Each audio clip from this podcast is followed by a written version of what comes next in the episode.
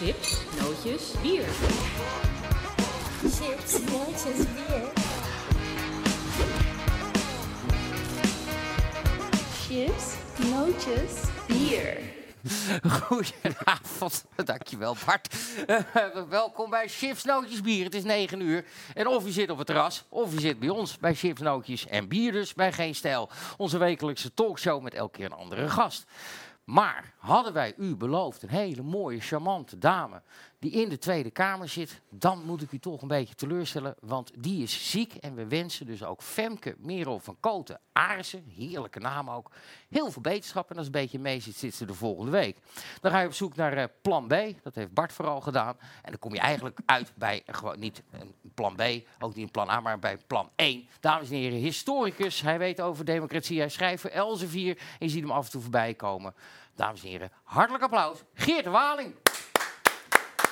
Nou, goedendag, net terug uit Parijs. Dankjewel, speciaal voor jullie teruggekomen uit Parijs. Nou, één, één trein eerder teruggekomen uit Parijs. oh, dat vind ik wel lief. Ja, ja. Wel lief. Maar ondertussen je computer gejat. Dat Toen je wel. met mij aan de telefoon zat. Zat ik met jou aan de telefoon, werd- werd in de coupé, aan de andere kant van de coupé werd mijn computer gejat. Ja, waarschijnlijk ergens tussen Antwerpen en Rotterdam. Dus eh, als iemand nog een afstandse gr- Chromebook ergens tegenkomt, hou ik me aanbevolen. Hij was al afgeschreven. Nou, dat is eh, voor de verzekering niet, zeg ik even. Even kort, wa- wat is je, eh, hoe, hoe kan ik het beste jou als, als functie omschrijven? Wat is nou je werk eigenlijk? Ja, eh, op dit moment eh, freelance, columnist, eh, schrijver. En ik ben wel nog gewoon historicus, maar dat is eigenlijk zowel een titel van je afstuderen als een vak. Eh, Ja. En je kunt het allebei hebben. Je kunt ook historicus zijn zonder geschiedenis gestudeerd te hebben, zoals Geert Mak. Ehm, maar in dit geval heb ik geschiedenis gestudeerd en ben ik nog steeds historicus. Schrijf ik boeken. Op dit moment een nieuw boek. Of negen al of zo? Nou, ik ben geen Thierry Baudet, maar die zit ik heb, ik heb er zes, zes heb ik er geloof ik. Zes? Ja, maar, niet, maar van drie in, eh, zelf geschreven, zeg maar. Ja, Drie? Oh, drie. ja en eh, dan drie andere met andere mensen samen, ja. ja. Laten we proberen. Ik wil niet te veel over Thierry hebben. Vandaag. Oh. Nee, is- Ik dacht dat ik daarvoor kwam. Maar... nee, nee, nee, helemaal niet. En dames en heren, Niet hij alles heeft- geloven wat je op Twitter leest. Hij, u hoort hem al een beetje. eh, en hij heeft vandaag een belofte uitgesproken voorafgaand aan de show aan mij. Dat hij mensen vandaag gaat laten uitspreken. Vooral de gast. Hij laat ze Ja, jou uitpraten. niet. Ik ga jou niet laten uitpraten. Mag ik je misschien nog even aankondigen? Want mij leuk- het, het gaat nu al goed, dames en heren. Dus kondig ik er maar weer aan, zoals altijd. De man die mijn facturen betaalt. De heer Van Rossum alias Bart Nijman. Of andersom.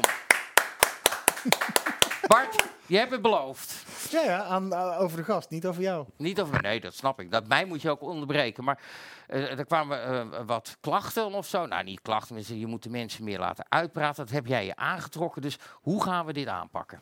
Nou, ja, dat we een, een goede vraag stellen of, of uit de reagiersels een goede vraag opduiken en die aan meneer Waling voorleggen. En dan mag meneer Waling antwoord geven. En dan ga ik hier... Ga je zitten en, en hou je Ja. mond. En als dat niet lukt, wat, doen, wat doe ik dan? Dan moeten we iets cueën, moeten we wat afspreken? nou, we hebben afgesproken dat we nergens mee gaan gooien, want daar staan hier allemaal nieuwe lampen en zo. En dan wordt het een bende. niet gooien. Nee.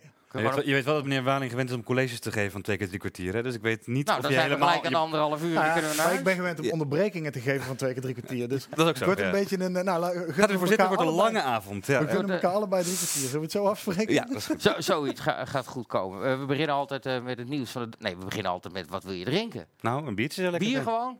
Bart ook gewoon bier? biertje. Oh, jongens, een bier. En dan komt er alvast het nieuws van de dag aan. Dit gaat, het is zover. Het is zover. Mondkapjes worden verplicht in Amsterdam en in Rotterdam. En ik zag nog meer plekken.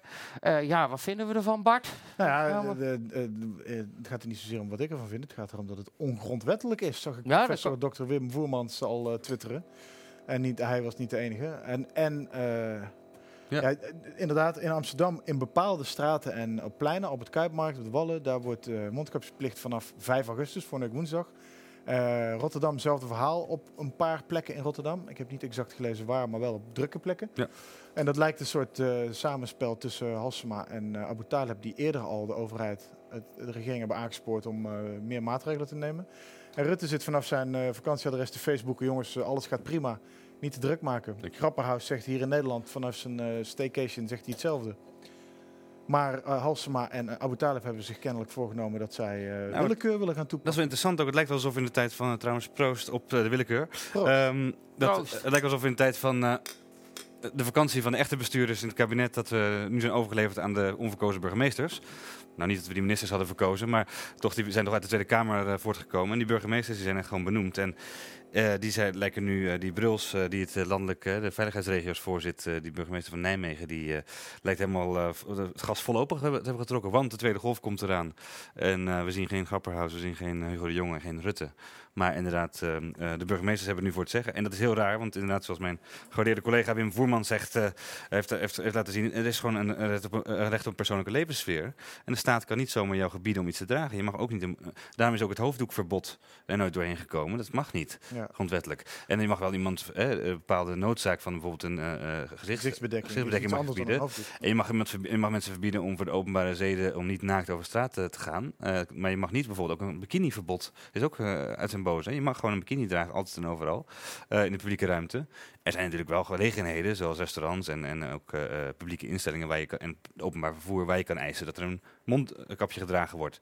Zeker waar die anderhalve meter niet wordt ge, ge, gewaarborgd. Kan, kan worden gewaarborgd. Ja, en dat, is, dus dat kan wel. En dat, kunnen dat zijn gewoon eigenlijk de huisregels. Wij, jullie kunnen ook hier beslissen dat je alleen mensen binnenlaat die een, hoofd, een eh, mondkapje op hebben. Ja, En een hoofddoekje. maar dat is niet zo lastig bier. Maar dat is wel lastig bier. Ja, Moet nee, je ook is laten. Nee, nee, nee. sorry. Maar dus dat, dat is heel interessant dat we nu eigenlijk eh, een heel groot experiment zien midden in de zomer in komkommertijd bij afwezigheid van het kabinet. Dat gaat niet lang goed, denk ik. Ik, denk, Maar- ik, ik zou wel bereid zijn om een eerste boete op me te nemen, gewoon alleen om dit aan te vechten. Want dit, dit houdt helemaal geen stand voor de Tegelijk, Tegelijkertijd heb jij wel eh, ook een boek geschreven, natuurlijk, eh, eh, Democratie, Gemeente in de Genen. Ja. Waarin je schrijft... Dat oh, meegenomen voor jullie als cadeautje. Ja, Oh, maar, ja, laten we even doen. In, dat is jouw kamer. ja, ja.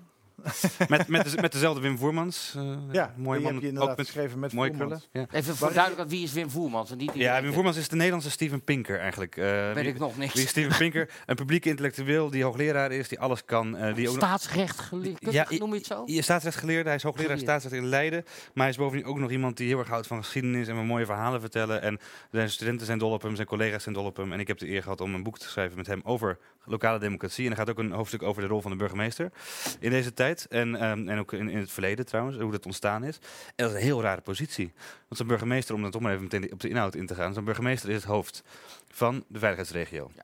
Is, het, eh, is verantwoordelijk voor de openbare orde en veiligheid. Is bovendien de voorzitter van het college van BNW. Hè, is de B, maar ook Ja. gelijk de voorzitter van het college van BNW, dus van de uitvoerende macht. Maar hij is tegelijkertijd ook de voorzitter van de gemeenteraad, van de controlerende macht.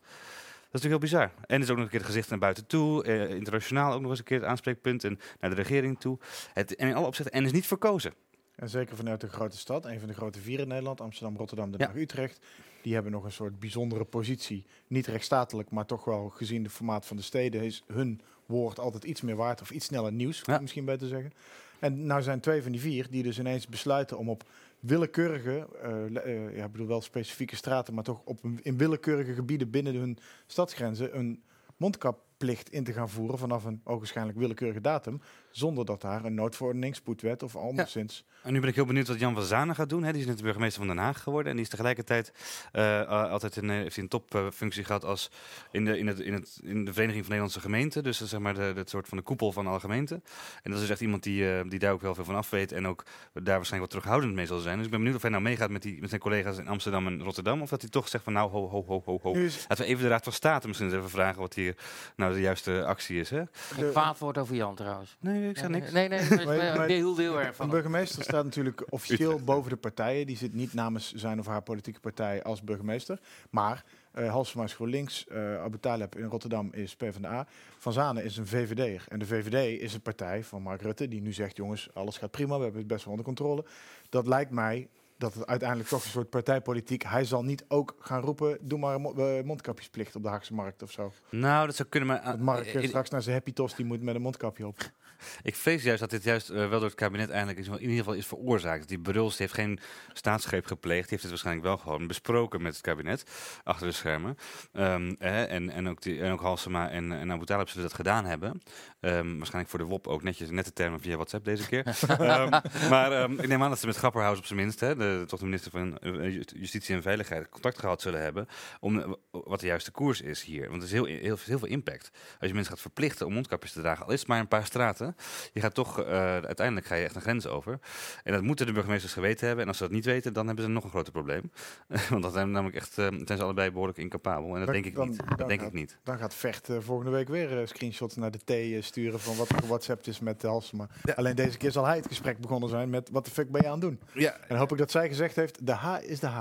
Ja, ja, ja. maar, maar even over het handhaven ervan. Jij stipt het net al aan. hè. Ik ben wel bereid om, eh, om hem op te zoeken en die boete aan te vechten. eh, nobel van je. Maar ja, handhaven qua gezichtsbedekking in Amsterdam, ja, dat is ook niet echt iets. eh. Nee, eh, dat zal inderdaad precies handhaven. Zal, eh, dat, dat is raar inderdaad dat het boerkaverbod niet wordt gehandhaafd en niet dan opeens zou het opeens wel worden gehandhaafd. Aan de andere kant snap ik het wel. Kijk, we, moeten, we kunnen wel een beetje splitting hairs doen over, de, ehm, over de, de grondwettelijke kant van de zaken. Dat is goed hoor, die kritiek.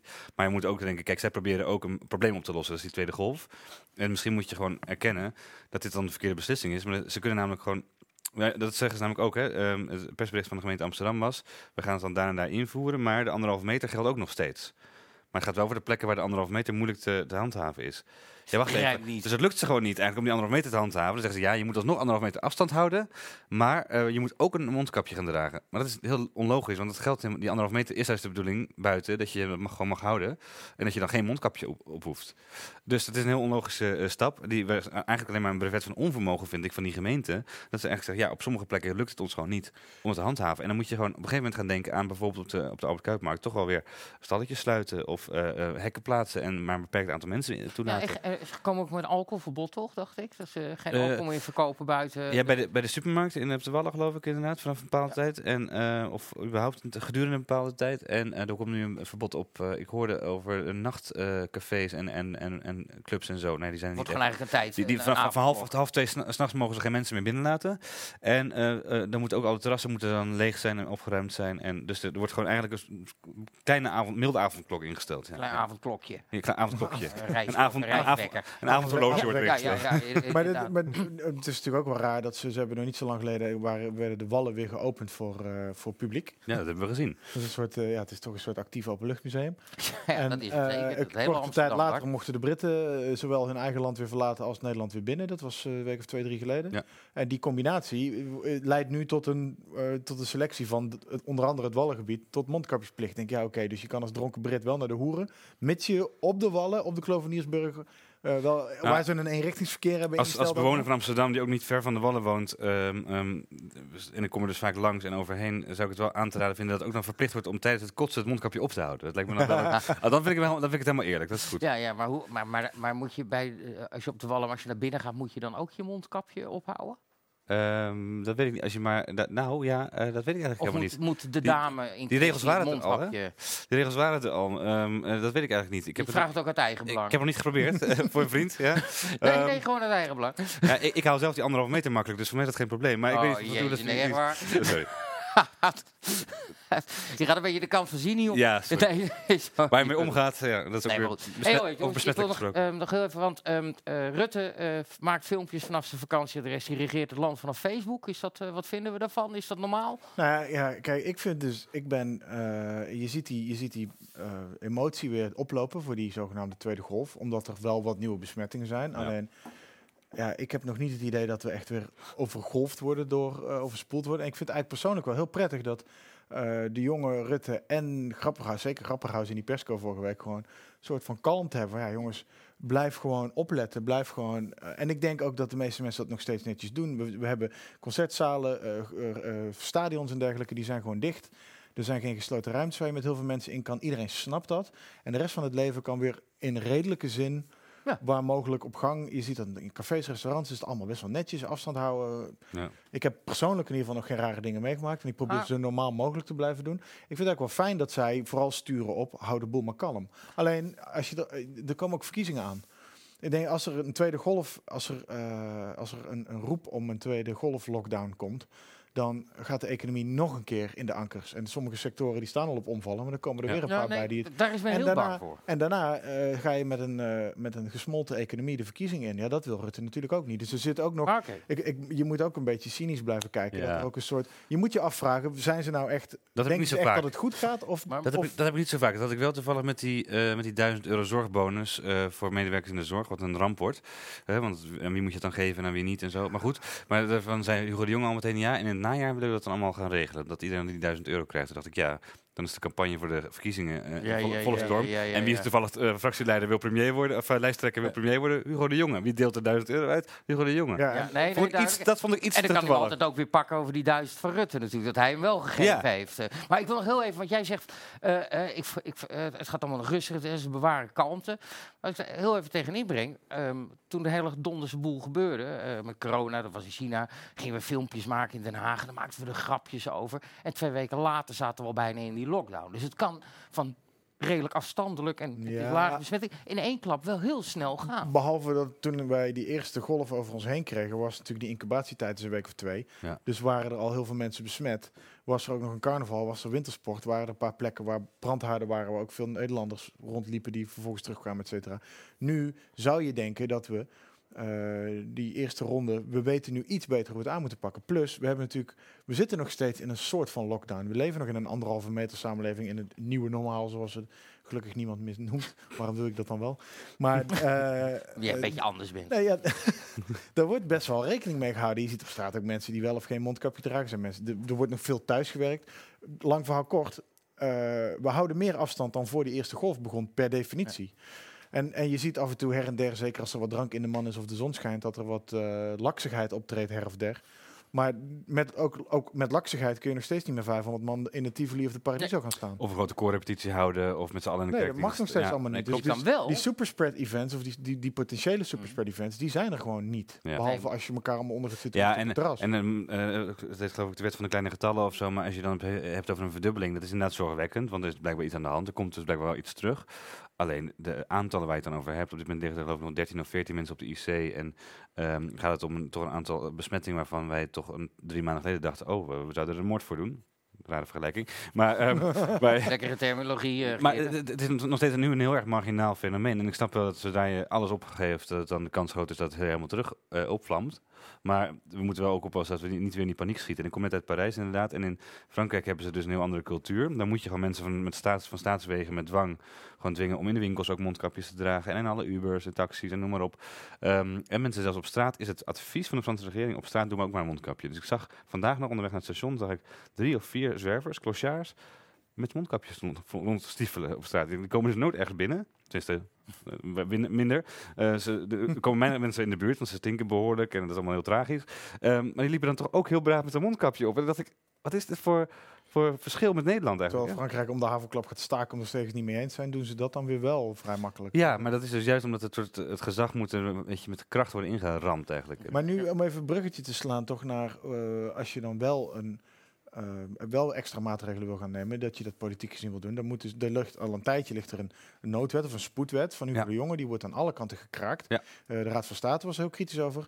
De Raad van de Rechtspraak of de Raad van de Rechters, Nee, een soort van vak, ja. rechtersvakbond, Mm. was ook kritisch. Ook Wim Voermans wederom, die, was, Ja. die heeft het ook helemaal onderuit gehaald. Dus er zit een en het heet de spoedwet, maar de, de debat daarover is pas na het reces. Dus de spoed is er een beetje vanaf. Daar hebben we, ik ga het Ja, fragmentje maar even inleiden. Nee, wat het is, eh, wat, eh, er zijn al dingen aangepast in die wet. En daarna is ook afgesproken dat dit gaan we niet nu gelijk erheen rammen. Dit tillen we over het zomerreces heen. ja, Ja, en daar hebben En, dat, en daar hebben we een filmpje van. Ja. Nou ja, we hebben een stukje van de Radio 1. Van eh, Dit is de Dag. Eh, Jan Brouwer is daar in gesprek. En die vertelt even kort over hoe het met die spoedwet zit. ook een hoogleraar staatsrecht. Ook een hoogleraar. En eh, daar gaan we eventjes naar luisteren. U ziet een dame met een mondkapje. En u hoort Jan Brouwer bij Dit is de Dag. Onder andere over de spoedwet. Instartje 1 alsjeblieft. Kan de overheid in dit geval een mondkapjesverplichting eh, invoeren? Nou, dat gaat niet. En ik vind dat die overheid wat dat betreft kleur moet bekennen. Zodat U zegt eigenlijk van de, de, de, zo'n mondkapje, als dat eh, verplicht zou eh, gesteld worden, dat kan eigenlijk helemaal niet. Nee, dat Wat- zal de overheid waarschijnlijk ook niet doen. Omdat men, eh, ik denk dat minister Grapperhaus heel goed weet... Hè, naar aanleiding van een advies van de Raad van State... dat hij geen inbreuk mag maken op een eh, grondrecht. In dit geval maak je inbreuk op wat in de volksmond genoemd wordt... het recht op privacy. Als er zo'n mondkapje verplicht gesteld zou willen worden, dan moet dat volgens een, een wet. Die coronawet Ja. is naar de Kamer gestuurd. Kamer is met reces en die wet wordt geloof ik begin september voor het eerst behandeld. Ik begrijp dat ook u, u ook uitgenodigd bent om daarover te adviseren, toch? in september? Ja, in een hoorzitting van 4 september. Dus dat is als, we, ehm, als de cijfers zich doorontwikkelen zoals ze nu eh, zich de laatste weken hebben getoond, is dat rijkelijk laat. En dan zou het wel eens kunnen zijn dat het buitengewoon eh, nuttig en noodzakelijk zal zijn dat de Kamer eerder van het reces terugkomt en toch die wet eerder gaat aannemen. Ja, dat is wel een eh, goed punt eh, van meneer Brouwer. En ik geloof dat hij, eh, dat hij en heeft gelijk, het, wordt, het is rijkelijk laat, maar het, is ook, het wordt een field day voor, voor staatsrechtgeleerden en voor iedereen die zich met de politiek bezighoudt en, eh, ehm, en die niet verantwoordelijk is voor de oplossing van het grote probleem dat er eventueel is, een tweede golf, over het indammen van het coronavirus. Dat het toch een, een, een, het is met een kanon op een mug schieten. En het is ook nog eens een keer, ehm, als het inderdaad pas in september wordt besproken, is de spoed er zeker van af. En komt het misschien ook nog eens een keer te laat. Maar het rare is dat de, dat de regering dit ook in de wet wil gieten. Ik snap het ook gewoon niet zo goed. Ze ze konden tot nu toe konden ze redelijk goed met decreten en met afspraken met de burgemeesters en dergelijke, konden ze het eh, zo, zo, zo managen. En ze hebben eigenlijk hun hand heel erg overspeeld door het dan meteen te gaan legaliseren. Want een spoedwet, wat eh, Wim Voermans ook opmerkte, eh, onder andere, is dat helemaal niet heel goed duidelijk was eh, voor hoe lang die wet dan. hè, dat zou een heel tijdelijke wet moeten zijn. Dat dat helemaal niet duidelijk is. Dat moet dan vervolgens, als die wet dan wordt afgeschaft, zou het dan weer door het parlement moeten worden afgeschaft. Die, voor je het weet hou je allemaal. ehm, Hele rare eh, wetgeving binnen, die botst met andere wetgeving, met internationale verdragen, met grondwet. Hij noemt het recht op privacy, het is geloof ik de persoonlijke levenssfeer, of ehm, als ik het goed heb, maar ik ben geen jurist hoor, dus eh, ehm, dat is volgens mij de officiële term waar ik het net ook over had, met die mondkapjesplicht. Het is heel vreemd, het gaat ook over die app, hè. Dat, dat zat ook in die, in die wet, hebben ze, al, hebben ze al afgezwakt, want het was eigenlijk, zou het bijna verplicht worden gesteld, als ik het goed heb in de eerste versie, dat, zo werd er over gesproken, dat je die app allemaal moest gaan downloaden. Nou, dat is ook natuurlijk iets waar, neem ik aan, eh, in de...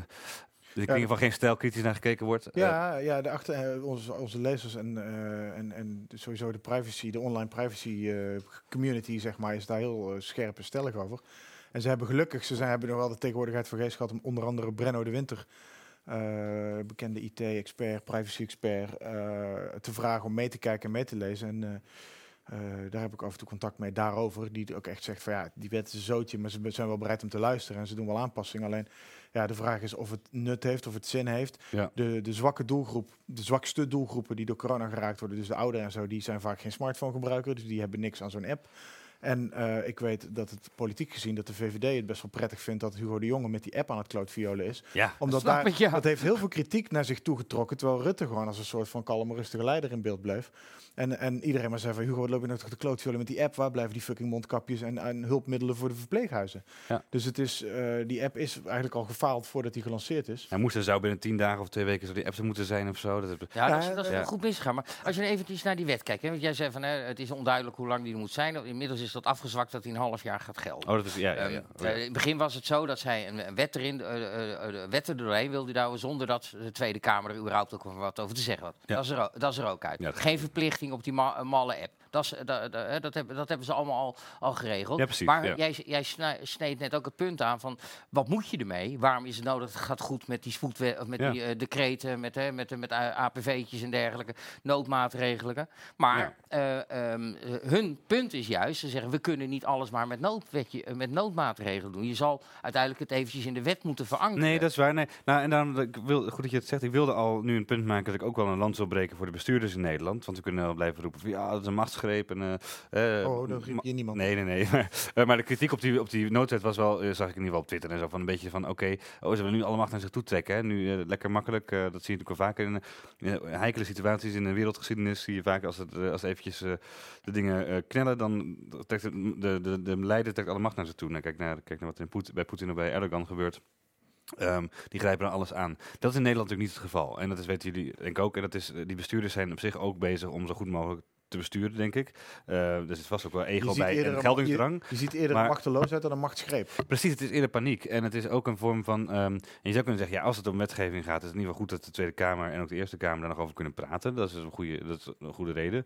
Aan de andere kant eh, heeft het parlement de afgelopen tijd toch al behoorlijk geprobeerd in ieder geval zich te bemoeien met het eh, coronabeleid. En het werd zelfs tot vermoeiens toe heel, heel lange debatten elke week weer over het coronabeleid. Ik vond dat goed. Dat het, want je moet het in zo'n uitzonderlijke situatie, je moet juist de democratie zijn werk doen. Hè? Ja. Je moet juist Die kun je niet, ja, want nee, precies. Want als je die op zo'n reden met buitenspel kan zetten, ja, dan kun je altijd wel zeggen, ja, sorry, crisissituatie, Ja. democratie. En, Even dat- en dan moet je het niet overlaten aan een paar eh, ehm, ehm, mensen op het Malieveld. Ik zal even geen eh, termen gebruiken, maar die, die, eh, die viruswaanzin aankaarten. eh, eh, of mensen die met een tractor daar gaan staan. Nee, dan moet je gewoon eh, in de Tweede Kamer de vertegenwoordiging hebben van de meningen die er zijn in de samenleving, en de belangen die er zijn in de samenleving. En die mensen moeten kritisch kijken. Ik- om- om, dan een soort compliment uit te delen aan onder andere Pieter Omtzigt, die strenge vragen stelde met de intentie om wat meer controle en grip te krijgen. Maar ook Lodewijk Asscher, die kritische vragen stelde om juist de, de boel wat gerichter te doen. Vooral Ja. met name in de zorg en de verpleeghuizen. Ik denk dat dat misschien wel mede geholpen heeft om te zorgen dat degenen die het Malieveld opgingen, dat dat ook een beetje de uiterste waren, om ook Ja. maar geen termen te gebruiken. Nee, Wat zeker. blijven dat- jullie allemaal braaf, jongens? Nou, ja, er stonden natuurlijk een paar mafketels op dat. Malieveld. En die, hebben niet, en die hebben niet per se een... Gekkies. Die hebben, nee, maar ze hebben niet altijd per se ongelijk. Dus Nee, er is, nee, als, het, als het gaat om vrijheid en grondrechten en Ja. zo, dan hebben die mensen echt wel wat punten gehad. En echt wel... Kijk, het is natuurlijk een beetje waanzin als je er 5G, Bill Gates en vaccin eh, nanochips bij gaat halen. Wat maar heel weinig mensen doen, maar wat Ja. wel een beetje Het narratief gebeurt. bepaalt. Ja. Ik mis wel een partij in de Tweede Kamer die dat vertegenwoordigt Oh, trouwens. die, Dat maar je- eh, dikke kans dat deze gasten zich gaan verenigen en gewoon een zetel gaan halen. Maar we gingen het eigenlijk niet over hebben. Over die, die naam ging niet. nee, nee, nee, nee, nee, ik, ik, ik zei Maar, die mensen hebben dus niet allemaal per definitie ongelijk. En we hebben ook gezien in Ja. hoe eh, demonstraties tegen lockdown en tegen die coronamaatregelen, die werden nou ja, echt neergeknuppeld. Ja. Er werden, de, de dook ineens een overvalteam van uh, Stille uit een busje, trok iemand van zijn scooter en weg waren ze. Ja, maar- Terwijl in, in de par nee, maar parallel daaraan waren er allerlei BLM-demo's. En ik zeg niet dat die opgebroken hadden moeten worden, maar die werden wel beduidend anders behandeld dan die anti-lockdowners. Ja. En dat zegt ook iets En over daar de waren de bestuurders natuurlijk bang dat juist ook iets over de politieke poli- Nee, maar dat, dat heeft, dat zelfs gezegd, om even te kort het uitstapje te maken. Daar waren de bestuurders van Halsema in dit geval, maar ook anderen wel bang van ja, als we het nou met geweld gaan opbreken, met geweld, maar met ingrijpen gaan opbreken, Ja, maar dan is het dus, oh, een demonstratie tegen politiegeweld wordt met politiegeweld opgebroken. En dat is dus eigenlijk, capituleer je dan wel een beetje, eh, je moet eigenlijk gewoon inderdaad gelijke monniken gelijk kappen. Ja, maar dat, heeft, dat, heeft, dat is alleen in dat ene incident, in, de, in die uit de Hm. hand gelopen veel te drukke demo op de Dam, daar was dat nog een plausibel argument. Maar er zijn vervolgens nog talloze, zo niet Klopt. tientallen demonstraties voor BLM hebben goedkeuring gekregen, zijn doorgegaan, hebben zich keurig aan Ja. afstand en regels Ja, gehouden. natuurlijk, ja. maar Ze hadden maar als er vijf mensen bij elkaar gingen staan waarvan één een bord omhoog hield, ik ben tegen 5G, want corona, dan doken er gewoon een heel, ME heel busje mee bovenop. Ja, Maar- ja, even, maar- even, maar- even, Oké, daar wil ik even tegen mee inbrengen dat de, eh, als je kijkt, eh, je had die, die grote demo op de Dam, eh, iedereen kritisch op van, de, van BLM. Daarna stonden ze op de Erasmusbrug, die werd afgebroken. Daar waren op de 1600 demonstranten, geloof ik, zes arrestaties. Die gingen heel keurig, rustig naar huis. keurig. Als ik kijk naar die, eh, eh, die jongens van de viruswaanzin en alles die daar overheen, die gingen ook wel echt wel bewust confrontaties opzoeken. Bewust, omdat ze tegen die anderhalve meter zijn, bij elkaar staan. ja. maar ik ben met je eens dat daar wel heel erg makkelijk door de ME geklapt je ziet eh, gewoon de afgelopen tijd, en dat komt omdat we in een situatie zitten waar niemand precies van weet hoe we erin gekomen zijn en hoe we eruit komen en hoe lang dat gaat duren. Ja. En dan, je ziet dan gewoon dat de willekeur heel snel op de loer ligt en dat, dat daar be- beleidskeuzes bij gemaakt worden of bij weggelaten worden die, Ja. Nou ja, die iedereen voor zichzelf kan interpreteren of dat in je voordeel of in je nadeel is bedoeld. En eh, als je, hoe cynischer of kritischer je bent op de heersende macht, hoe sneller je dat een dictatoriale ingreep zult vinden. Ja. En eh, ja, nou ja, ik, ik ben het met jou eens dat het vooral een beetje machteloosheid is. Ja, en je zou, wel, je zou trouwens wel, ehm, ik vond dat, en ik sprak er ook wel met een paar Franse vrienden over, dat bijvoorbeeld eh, de regeringen wel behoorlijke paniek, ja, panieksymptomen vertonen. Eigenlijk. voetbal. Ja, Ja. en nog steeds, hè, dus nog steeds eh, eh, onlogische maatregelen nemen. En bij ons is dat misschien de mondkapjes niet serieus overwegen, althans te lang niet serieus overwegen. Bij het RIVM en bij eh, het OMT en bij het kabinet. In Frankrijk is het dan misschien een overdreven aandacht voor die mondkapjes, weet je wel. Maar dan een soort paniekidee van ja, we moeten iets doen, we moeten nu iets laten zien. En ik, ik denk wel dat er een. Dat je, in zekere hoogte moet je wel eh, accepteren dat er, als er een enorme crisis uitbreekt, dat mensen dan ook even gewoon de leiding moeten nemen. En daar mag je dan genoeg kriti- kritiek op geven. Dat mag zeker niet verstomd worden. Maar, gebeurt ook. maar, dan, maar dan, en dan komt de evaluatie komt dan later wel. En dat doet me altijd een beetje denken aan de echte dictator, zeg maar, zoals het vroeger bedoeld was. De Romeinse dictator. Dat was namelijk niet zoals wij die kennen van Mussolini en Hitler en zo. Maar ehm, dat was namelijk gewoon een dictator die. eh, ehm, het was een a- oude staatsman die werd gevraagd als er vijanden aan de, grens stonden van het Romeinse Rijk. om in korte tijd de macht op zich te nemen, het leger aan te voeren. en die opstanden neer te slaan en het, eh, de veiligheid van het Rijk eh, ve- veilig te stellen. Ehm, en daarna, daarna weer de macht neer te leggen. En dat gebeurde vaak ook. Soms ook niet, maar eh, vaak ook wel. En dan ging die persoon ging weer verder. En een beroemde voorbeeld is Cincinnatus, die in Amerika nog in Cincinnati eh, wordt herdacht. En eh, George Washington werd ook zo genoemd. Omdat Cincinnatus was een oude staatsman die dat even deed. En die werd van het veld gehaald. Die was aan het ploegen. En achter een paard en met de ploeg. En die werd ge- eh, gehaald. Een paar weken lang ging die de barbaren het Romeinse Rijk uitschoppen. En toen ging hij weer terug, pakte de ploeg weer op en ging hij weer verder op zijn land. En Heel dat, pragmatisch. en dat is, de, dat is de dictator zoals ze bedoeld is. En als Rutte zeg maar op die manier, of Rutte of Hugo de Jonge of Grapperhaus, zich op die manier dictatoriaal gedragen, dan kan ik dat nog voorstellen. Weet je wel, dat je even gewoon eh, ehm, eh, die, eh, dat je dat, dat, die crisis moet aanpakken. Maar volgens mij is corona, en dat weten we nu al, we zijn nu een half jaar of zo niet langer hierover aan het praten. En we zitten hierin. Dan weet je gewoon, oké, dit is nu niet zo'n hele korte crisis meer. Het is gewoon iets wat op lange termijn bij ons gaat zijn.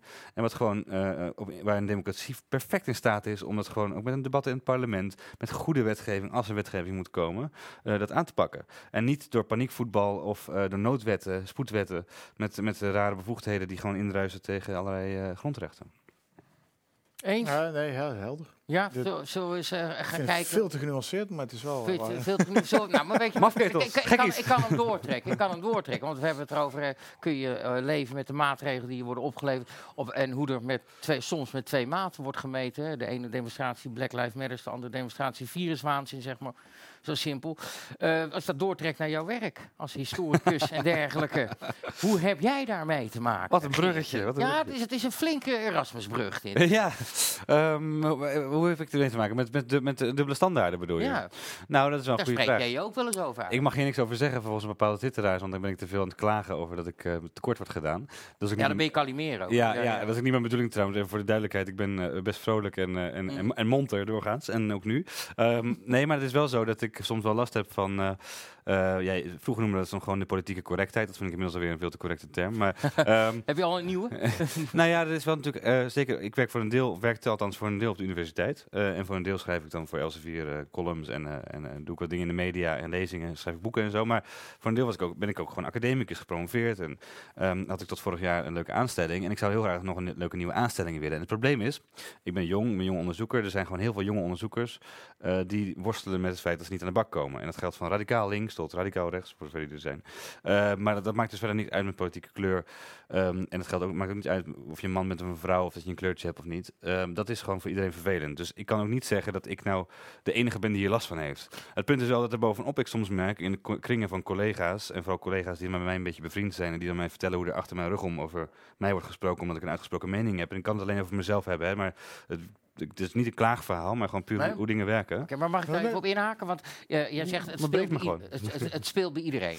Het, eh, eh, Ja. Dus het is niet alleen... eh, is maar gewoon een gaat moeilijke markt, weer een ja. beetje, een beetje om dat het komt omdat je gewoon... Je, je hebt columns in de Elsevier, je spreekt je mening uit. Is dat waar ze dan moeite mee hebben? Welke, dus- mening Ja, het dan punt, ook is? punt is het belangrijkste is, ik kan het niet bewijzen. Dus ik, ik heb wel mijn verdenkingen, mijn vermoedens, maar ik kan het niet bewijzen. Dus ik kan het ook niet zo hard zeggen. En dat wil ik ook niet doen. En bovendien wil ik ook niet het klaagverhaal ophangen. Nee, nee. Maar het is wel volgens mij waar dat er in algemene zin in de wetenschap, en dat geldt ook denk ik voor, voor sommige media, eh, noem publieke omroep of kranten of wat dan ook, dat het geldt dat je als je heel uitgesproken mening hebt, dat ze dat soms wel leuk vinden. Soms kunnen ze dat goed gebruiken voor zichtbaarheid en debat, dat vinden ze allemaal mooi. En soms word je ook een beetje als een token ehm, classical liberal uitgenodigd. Ik zou niet zeggen righty, want ik zie mezelf helemaal niet als rechts, maar ehm, eh, en dan weet je, oké, nou dan ga ik er wel zitten, dan heb ik dat standpunt en dan vinden ze dat weer spannend, hebben ze dat ook weer gehad. Dus dat je in een panel met vier mensen die allemaal, andere drie zijn allemaal eh, zeer politiek correct tot radicaal links. Oké, dat, dat, dat weet je dat dat bestaat. En het is ook niet zo, denk ik, dat de mensen tegen zeggen: Oh, eh, die moeten we niet aannemen, want die heeft een foute mening. Het is alleen veel subtieler dat je af en toe, en volgens mij is dat wat je met je naartoe wilt, is af en toe ook, eh, dan zeg ik dingen of dan bedoel ik dingen of dan heb ik dingen ooit gezegd, misschien op een on- onhandige manier. En dan worden die heel lang geframed en herhaald en, en, en verdund tot een soort rare verdachtmaking zonder enige basis. En dat blijft dan rondzingen, dus dan ben je omstreden. En omstreden zijn, dat vond ik een mooie uitzending vorige week met Zini hier, eh Zini Usdeel. Die zei van, eh, eh, van in Nederland, hij haalt altijd, altijd Wim Kan aan, die zegt in Nederland moet je precies weten hoe ver je te ver kunt gaan. En ehm, hij, Zini echt zich dood aan het, aan, aan het bekrompheid en de, en de smalheid van de, de smalle marges van het debat. En dat merk ik ook zeker in de wetenschap wel, dat het allemaal heel erg smal is. Je moet precies weten wat je moet zeggen om zeg maar, nog echt in de gratie te, te zijn. En al heel snel lig je uit de gratie. En dat wil niet zeggen dat je dus niet dat ze je dan de rug toekeren of dat ze je dan uitschelden, wat dan ook. Maar het is veel subtieler. Het is een soort beeldvorming die, eh, die uiteindelijk je carrière kan schaden. Ja. Ja, vooral omdat ze ook een beetje denken dat die, ik zie die smalle marges ook, maar degene die die smalle marges hanteren, denken vaak zelf wel dat ze, dat ze het hele spectrum bedienen. En ze zitten maar in een smal bandbreedtje. En, ze, en zodra je daar een beetje buiten staat. En wat jij zegt over ehm, eh, omstreden zijn. Kijk, als, als, eh, als, als een of andere woke eh, twitteraar met 14 volgers zit te haat op jou omdat hij jou extreem rechts noemt of zo. Ja, Lekker belangrijk. Alleen, we zien ook tweets van een Leo Lucassen, die ook in de geschiedenishoek ja. een, een prominente naam is, helaas. En ondanks alles wat hij al bij elkaar gelogen heeft in krant en op televisie. Maar die, als die jou in een context twittert van ja, die Geert de Waling, dat wat hij dus wel eens gedaan. Ja, nou met Leo Lucas, dat is zo interessant vers- verschijnsel. Eh, Leo, Leo vind ik persoonlijk vrij aardig. Hij mij volgens mij ook. Eh, eh, en ik vind ook dat hij op zijn vakgebied heeft hij best interessante dingen gedaan. En hij wordt heel snel politiek. En presenteert zich nog steeds, hij wordt opiniemaker en presenteert zich nog steeds als de wetenschapper, de hoogleraar. Dat vind ik altijd het probleem. Daar heb ik een keer bij Buitenhof met hem ook over gedebatteerd. Maar toch is hij wel best wel fair daarin. Hij zegt dan ook gewoon, als mensen mij kaart op Twitter aanvallen, heeft hij wel eens gezegd, ja, maar Geert de Waling heeft gewoon een netjes proefschrift geschreven, is een keurig je kunt niet zijn integriteit in twijfel trekken, weet je. En dat vond ik netjes en dat zou ik bij Leo Lucas op dit moment ook willen doen, als je het zo zegt. Aan de andere kant vind ik wel dat Leo andere academici, ook jonge academici, eh, bijvoorbeeld laatst, eh meen ik dat hij iets over Eva Vlaardingenbroek heeft gezegd, of over eh Reisa Blommestein, die laatst die petitie heeft gemaakt over vrijheid van meningsuiting, waar veel over te doen was. Daar heeft hij dan wel, vind ik wel, een, erg veel kritiek op. En dat soort mensen hebben, dat zijn geen onbetekenende twitteraars, die hebben gewoon veel volgers, volgers. En bovendien hebben ze ook volgers die vaak collega's zijn in de academische eh, Mm. kring. Dus die weten dan, oh wacht even, we moeten er zo over denken. Ehm dus als Leo Lucas dat zegt, dat is een autoriteit. En die autoriteit gun ik hem erg, maar daar moet je ook voorzichtig mee omgaan. En dat heb ik al vaker tegen hem gezegd. En ik vind het bijvoorbeeld ook dan, in dat opzicht problematisch wat zo'n Nadia Boeras eh twittert. Ehm, volgens mij eh, had je daar een, een, een screenshot van gemaakt, zag ik. Maar Ja. Eh, die ehm, ehm, kunnen we misschien even naar kijken. Die, die, die, die er nog een debat erbij had. En dat ik in de balie heb geleid. Nee, dat is Van, Nee, eh, maar, maar, maar anders leidt hem eventjes in, want jij Ja. zat in een debat bij de Bali, daar Ja. maakte jij een soort van grap. Ja. Maar, eh, eh, en die is een beetje uit zijn... eh, Ja, kijk, ik- dit is een beetje ingewikkeld. Ik, ik citeer haar hier met, omdat ik haar beschuldig van laster. Dat is ook gewoon waar, denk ik. Ehm, omdat zij het heeft gehad over eh cancelcultuur. Het ging over het manifest dat ik net noemde van onder andere die Reiza.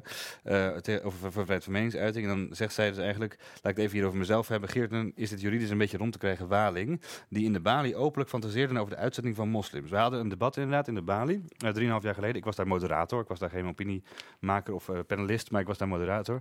Ehm, en ehm, eh, daar was eh, een gesprek over waarom haten de eh jihadisten, de radicale moslims, haten ons. ons? Ja, Ja. waarom, haat- waarom haten ze ons? Maar het ging heel duidelijk over, niet om, over alle moslims, het ging over de, de jihadisten en salafisten, de radicalen.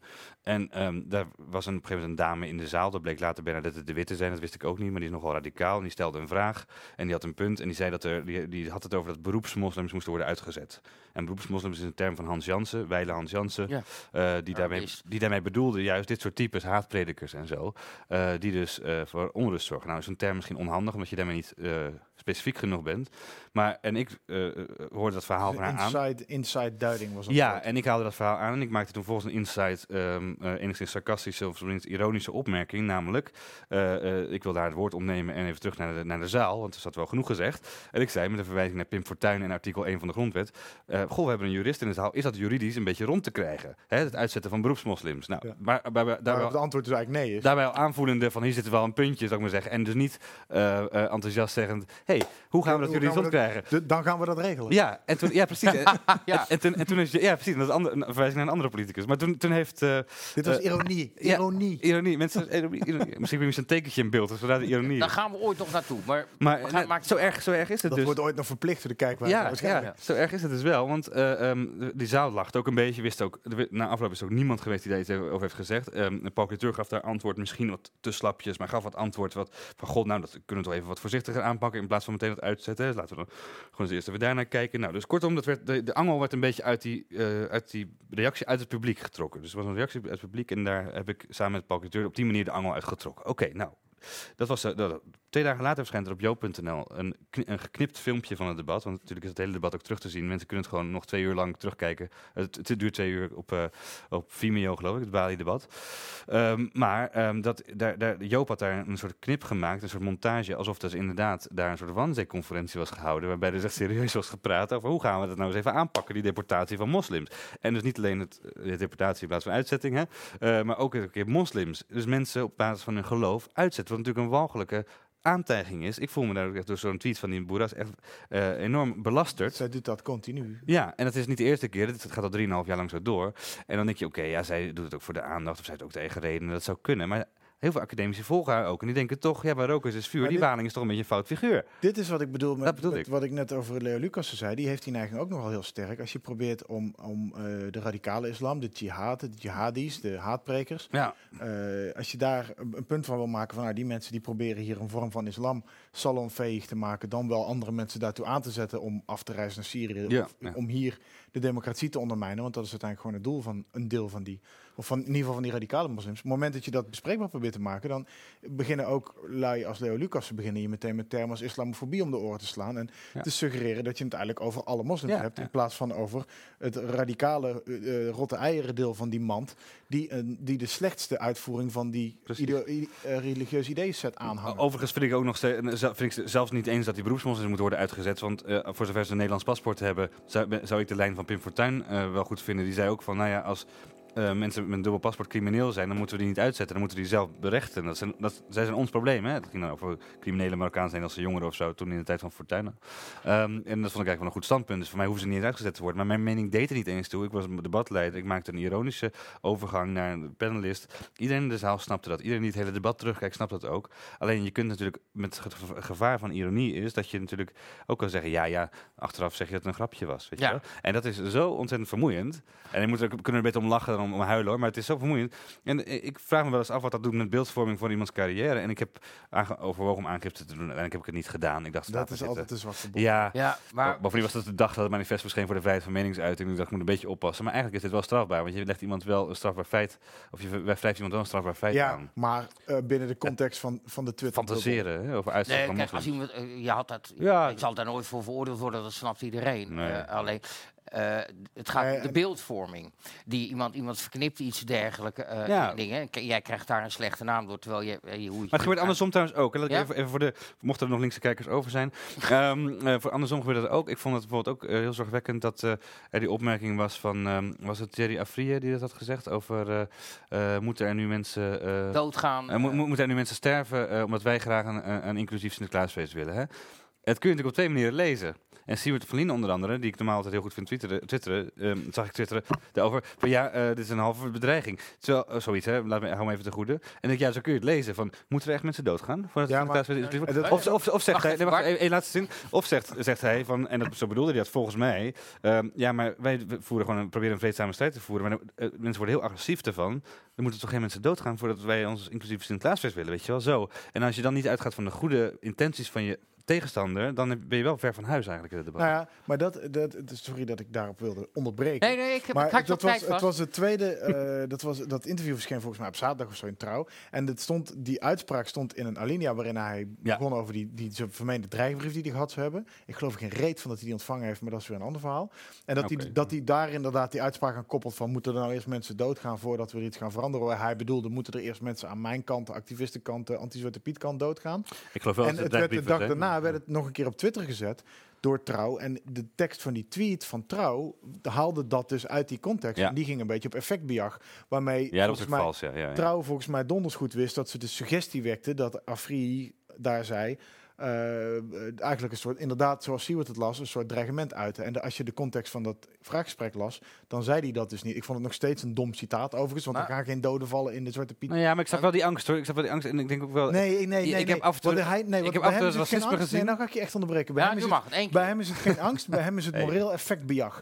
Hij wil de hele tijd die, die morele, dat, die, die, die morele hysterie Ja. voeden. Hij wil de hele tijd dat mensen boos zijn. Hij wil mensen boos houden. Hij wil dat op scherp houden, want dat is in zijn belang dat hij daardoor steeds kan blijven roepen. Oh, Maar mensen zijn, reageren. Ja. oké, misschien is dat- misschien Nee, waar. hij weet hoe hij dat moet brengen. Maar eh, aan de Ik andere vind dat kant hij doet oneerlijk trouw, spel speelt. Nee, maar trouw doet daar dus ook heel erg aan mee. Het is ook gewoon sensatie. en gewoon erin ja, knallen. en trouwens misschien wel de wokeste krant van Nederland. Dus Ja, die zijn dus- wat dat betreft... Ja. eh, maar die pakken dat er ook uit. En dat is, dat, dat die oude Volkskrant en de. Volkskrant momenteel. Weet in dat soort, eh, Eerlijk gezegd doen wij het ook wel eens. Weet je, een quote, Niet een meer beetje, zo. het- Nee, zijn we Nee, ja, nee, ja, nee, we zijn, ik wil niet Amsterdam de paas gelopen doen, want we doen het natuurlijk ook wel. Maar wij hebben dat. Ooit was dat spelletje, was het zuiver ironie. Alleen de discussies over bepaalde onderwerpen zijn verhard en verdiept. Die Zwarte Piet discussie, ja, je kon eerst nog lachen over hoe op de grond ligt Piet Quincy Gario door de politie werd afgevoerd omdat hij in een Zwarte Piet is racisme shirtje in Dordrecht stond in 2011, Mm. 13. Maar inmiddels is het al lang niet meer ironisch, die discussie. Die, Nee. die blokkeervriezen, dat had bijna, dat, dat hing een revolutiesfeertje omheen, van twee Ja. kanten. Ja, ja, ja. En Ja, dat- en, en en, dus- dat is dus- voor, mij het belang van... eh, Dan wordt blussen, sorry, maar even mijn zin afmaken, dan wordt, dan wordt het blussen van zo'n situatie, een beetje de ratio of een midden zoeken, wordt volgens mij belangrijker dan ja. toch maar eh, eh, olie in dat ironievat En blijven. dat probeer ik dus de hele ironie- tijd. En ik merk wel dat er, dat er racisme... Nou, het lukt je voor geen meter. Ja. Ik probeer er juist Ik hier... vind je heel, heel genuanceerd. Ja. Verdamme. Ja, ik kan wel, ik kan wel weer dingen roepen, maar ehm, Nee, eh, jullie zijn allemaal racisten. Jullie zijn allemaal racisten. Nee, Nee, ik- ik- eindelijk nee, de, nee. er komen de linkse kijkers weer binnenstromen. Eh, Zie- Zien is- al een week weg hier. Nee, eh, maar... morgen ehm, zeg ik het ook, hè. Geert Waling zegt geen stijl is, is racistisch. Is Dat racistisch, staat ja, morgen, ja. jongen. Echt, ja. ja, en onironisch, onironisch bedoeld. Nee. Uit- Uitgescholden in eigen huis zonder onderkop. Nou ja, eh, ja, Jij dacht dat dit een thuiswedstrijd was. Nou, dan moet je eens met Thierry bellen. Straks- Nee, we zouden het niet over hebben. sorry, nee. Van mij mag het trouwens hoor. Ik heb het niet Praat, verteld. praat. Ik hoor wel mijn tractoren buiten al eh, voorbij rijden. Die zijn klaar volgens mij. Ehm, nee, volgens Zij mij... hebben de ME, wij hebben de boeren. Ja, Ja, ja. de hooivorken zijn het vet. Nee, ik heb het eh, probleem... En mijn probleem is, ik merk wel steeds meer dat er, zeg maar, dat, ehm, er komt ook een soort virulent racisme bovendrijven. En er komt een soort totale intolerantie bovendrijven aan de andere kant. Jegens gewoon tradities die in Nederland er zijn. En, en gewoon het... eh nou ja, ik heb er wel eens een keer met Jenny Douwers, die kwam ik eens een keer tegen, over gesproken. Jullie kennen haar beter, denk ik. Maar eh, die- ik heb haar... en- en- oh ja, en toen zei- dat was niet lang na die, na die blokkeeractie op de, op de, op de snelweg. En toen ehm, zei ik van, ja, hoe zit het nou eigenlijk? Eh, Wat vinden jullie nou ervan? Van die Zwarte Piet en zo. Toen zei ze, ja, weet je, wij willen wel eigenlijk best eh, praten over een aangepaste versie van die Piet. Want wij snappen ook wel dat dat misschien met de tijd mee moet gaan. Maar zij willen dan eh, meteen afschaffen. En het is nooit genoeg. Zij willen dan wat meer. Hè? Geef ze één vinger en dan willen ze de hele hand. Dus dan gaan die hakken dus in het zand bij die, bij die, in dit geval de blokkeervriezen, maar bij veel meer mensen in Nederland. Want het is nooit genoeg. Ehm terwijl aan de andere kant ehm, mensen het helemaal niet erg vinden als er een roetveegpiet is. Of als, er lang, maar eh, als het misschien zelfs geleidelijk wordt afgeschaft. Eh, het is maar een klein groepje radicalen dat echt gewoon zegt van ja, het is gewoon altijd alleen maar racisme. En mensen bedoelen het ook racistisch en noem maar op. Maar is het dan ook niet een klein groepje radicalen die het juist niet wil? Ja, nee, dat kan, dat kan, dat kan. Maar de- het punt is wel dat die het hard schreeuwen. En dan zijn de media natuurlijk echt verschrikkelijk, want die noemen zich dan kwaliteitsmedia, ook de kwaliteitskranten en dergelijke. En die gaan natuurlijk gewoon heerlijk vol op, dat, eh, op die discussie. En dan, dan plaatsen ze gewoon het ene en het andere stuk eh, wat eh, voor, voor, voor een, een bepaalde kant stelling neemt. En het is zo vermoeiend en vooral om, zo onnodig ook. Want als je gewoon met die mensen praat, met alle kanten, dan weet iedereen wel van elkaar, ja, oké, ja, weet je, kom op. Als jullie ze hier aan de bar uitnodigen, komt het wel goed volgens mij. Ja, denk je? Nou, nou, misschien, niet, misschien niet de meest radicale, maar die moet je misschien op een gegeven moment Ah, gewoon links of Ja, rechts nee, laten precies, liggen. want ik vind dus dat je zo'n Jerry Free, daar zou ik, daar, die hoef ik hier gewoon niet aan de bar te hebben. Omdat ik vind dat zijn hele, En Quincy? de hele Ja, die premisse onder zijn, nou die is helemaal uit de picture. Hè. Er is een soort staatsgreepje, machtsgreepje daar binnen geweest. Hij was de chef revolutie. Ja. Dat wilde Jerry worden, dat is Jerry geworden. En eh, Quincy is gewoon een exit door de Hij zijkant. noemt zich nu ook dichter en performer of Ja, zoiets. dat deed hij toch, dat deed hij sowieso al. Ja, ja, maar, waarom, ik, waarom ik zou hier niet zo heel veel inter- Kijk, het is niet dat, hij, niet dat ik niet tegenover hem zou durven of willen zitten of met hem in gesprek zou willen gaan. Ik bedoel, je kan met iedereen altijd praten. Ik vind alleen dat de premisse waar hij zijn hele verhaal op bouwt, die, is al, die, die klopt gewoon al niet. Daar, zit gewoon, daar zitten beschuldigingen en verwijten onder die gewoon niet Wat waar vind jij zijn dan- en die ik eenzijdig jou, dan ga ik jou interviewen. Wat vind jij dan eigenlijk van... Dat, dat maakt, want laten we over die radicalen niet veel praten, want dat is altijd zo. Mag ik dat, mezelf onderbreken dat is vermoeiend. Ja, ja, helemaal- Nee, maar dit is Heel een kroeggesprek. Ja. En dan mag je ook dingen vragen. Ja. En dan tap ik je bier. Mag je naar de wc? Nee, ehm, nee, ik zou heel graag willen weten wat jij van Mark Rutte dan vindt, die nu zeg maar toch, ja, toch al enigszins in, in, in een rap tempo eh, begrip krijgt voor de, voor de problemen met Zwarte Piet. Eh, mensen die problemen met Zwarte Piet. opportunistisch. Dat er, Ja? dat er, ja, dat er, Ik vond het wel goed. dat er een sfeertje ontstaat. eh, eh, rond die, eh, die want Rutte heeft een aantal jaar geleden gezegd: Zwarte Piet is zwart, dat is nou helemaal zo. Ja. En dat, dat kun je dan ook nog een beetje star noemen. Ik denk van, nou, ander kleurtje was misschien niet per se een probleem geweest, want dat, was de discussie niet. De discussie werd op een gegeven moment dat iedereen die ooit Sinterklaas met Zwarte Piet viert of vierde, Ja. dat die tot racist gebrandmerkt werd door een klein clubje wat gewoon heel veel lawaai maakte.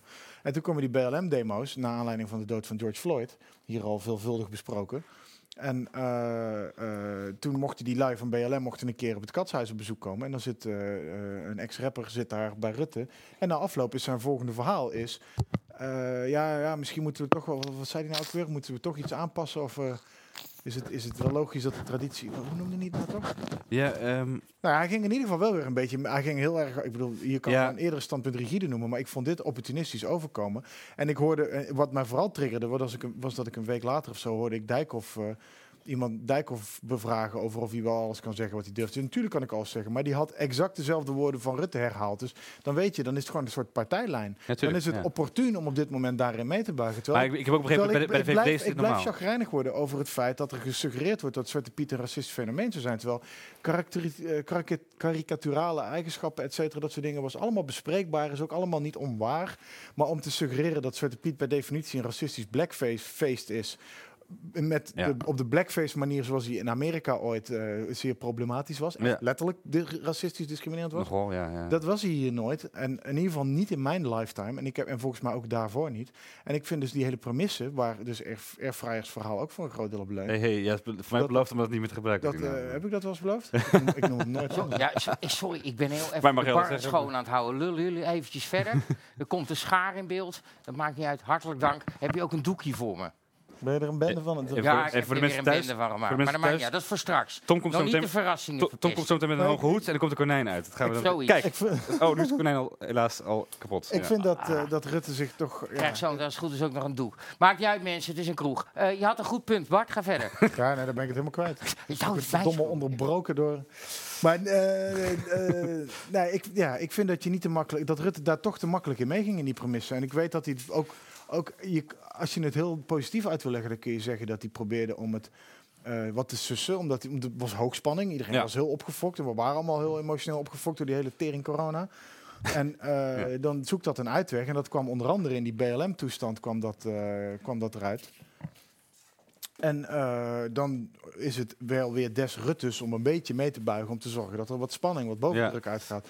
Maar ja, ik, ik zit, misschien zit Nou, ik zelf mij- iets te principieel in mij, ik vond het juist, misschien is het ook wel de corona van bij mij geweest, dat ik dacht van oké, maar er zijn gewoon heel erg heftige dingen nu aan de hand. Hè. Dit gaat ons heel lang, lang nog bijblijven, ook economisch. Ehm, ehm, maar ze, ja, gewoon de hele ervaring van corona, denk ik, ook psychologisch best wel een gevolg hebben. Opeens werden al die soort debatten over identiteit eventjes, tot die Black Lives Matter, eh, Black Lives Matter demonstraties, eh even veel relatiever. Hè. Ik weet niet of jij dat ook had, maar dat je denkt van oké, we zijn er ook voorlopig even van af, dat gedoe.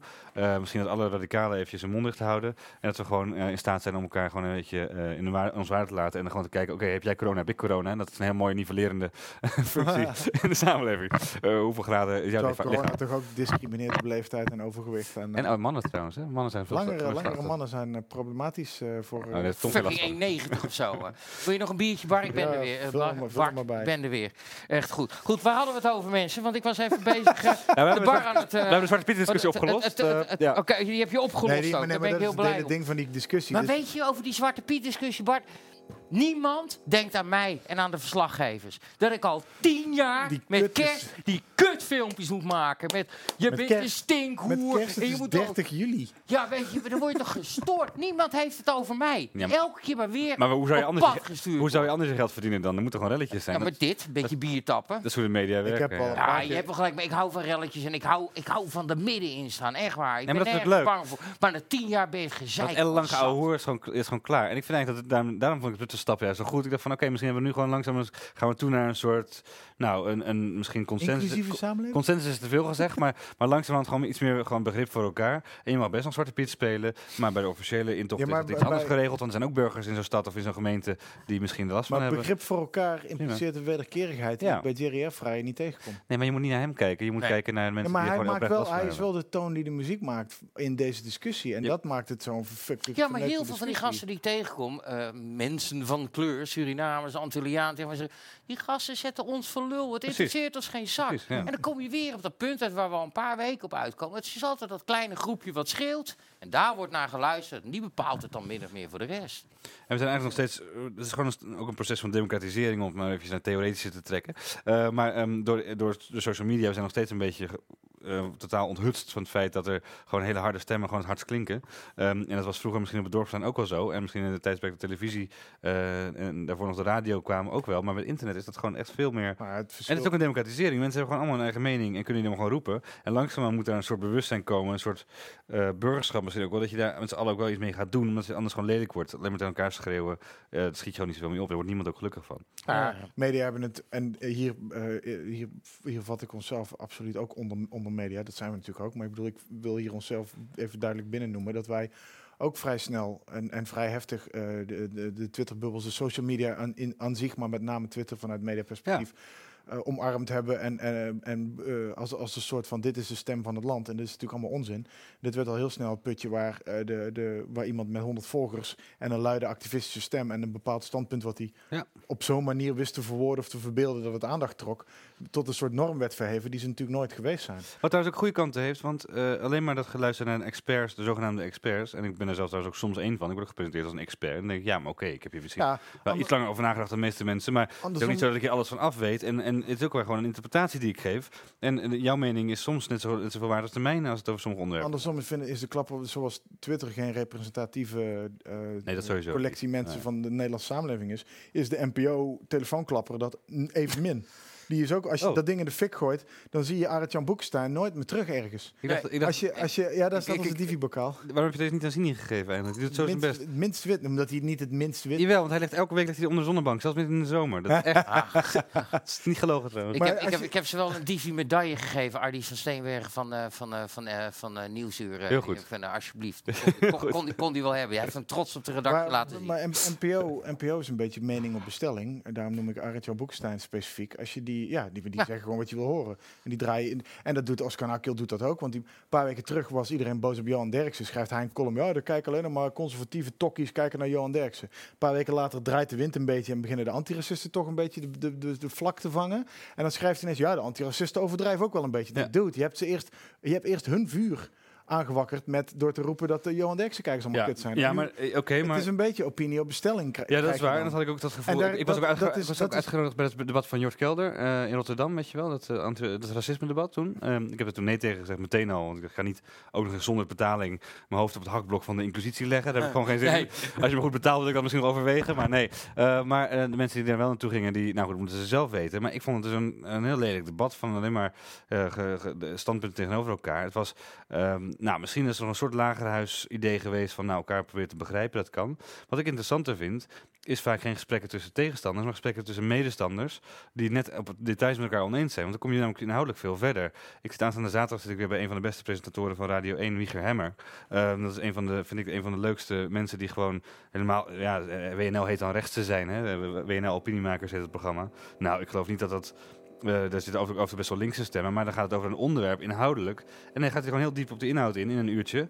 Ehm, en vaak twee, drie, vier onderwerpen zelfs. En dat, dan is daar gewoon een hele interessante soort consensus over de regels. En verder gewoon een inhoudelijk meningsverschil. Zonder dat er geschreeuwd wordt, zonder dat er effectbejag. eh van eh, hoe krijg ik de meeste kliks op mijn filmpje, wat dan ook. Gewoon een heel interessant programma. En er zijn, zo, zijn er nog wel meer voorbeelden dat? van. Dat is tussen zes en zeven. En jij zit trouwens diezelfde avond ook op eh, de radio, Ja, ik toch? wilde dat niet zeggen, maar nu wat- toch. Je mag best even reclame wat ga jij doen, maar- als hij maar Ik zit, net, uitgesproken ik zit net de NPO af te zeiken en ik zit zaterdag nee, daarom. op Radio 1. Dat, eh, Wat ga je doen? Martijn de Greven die doet een serie Ja. programma's waarin ook mensen tegenover elkaar... De, De tegenpolen.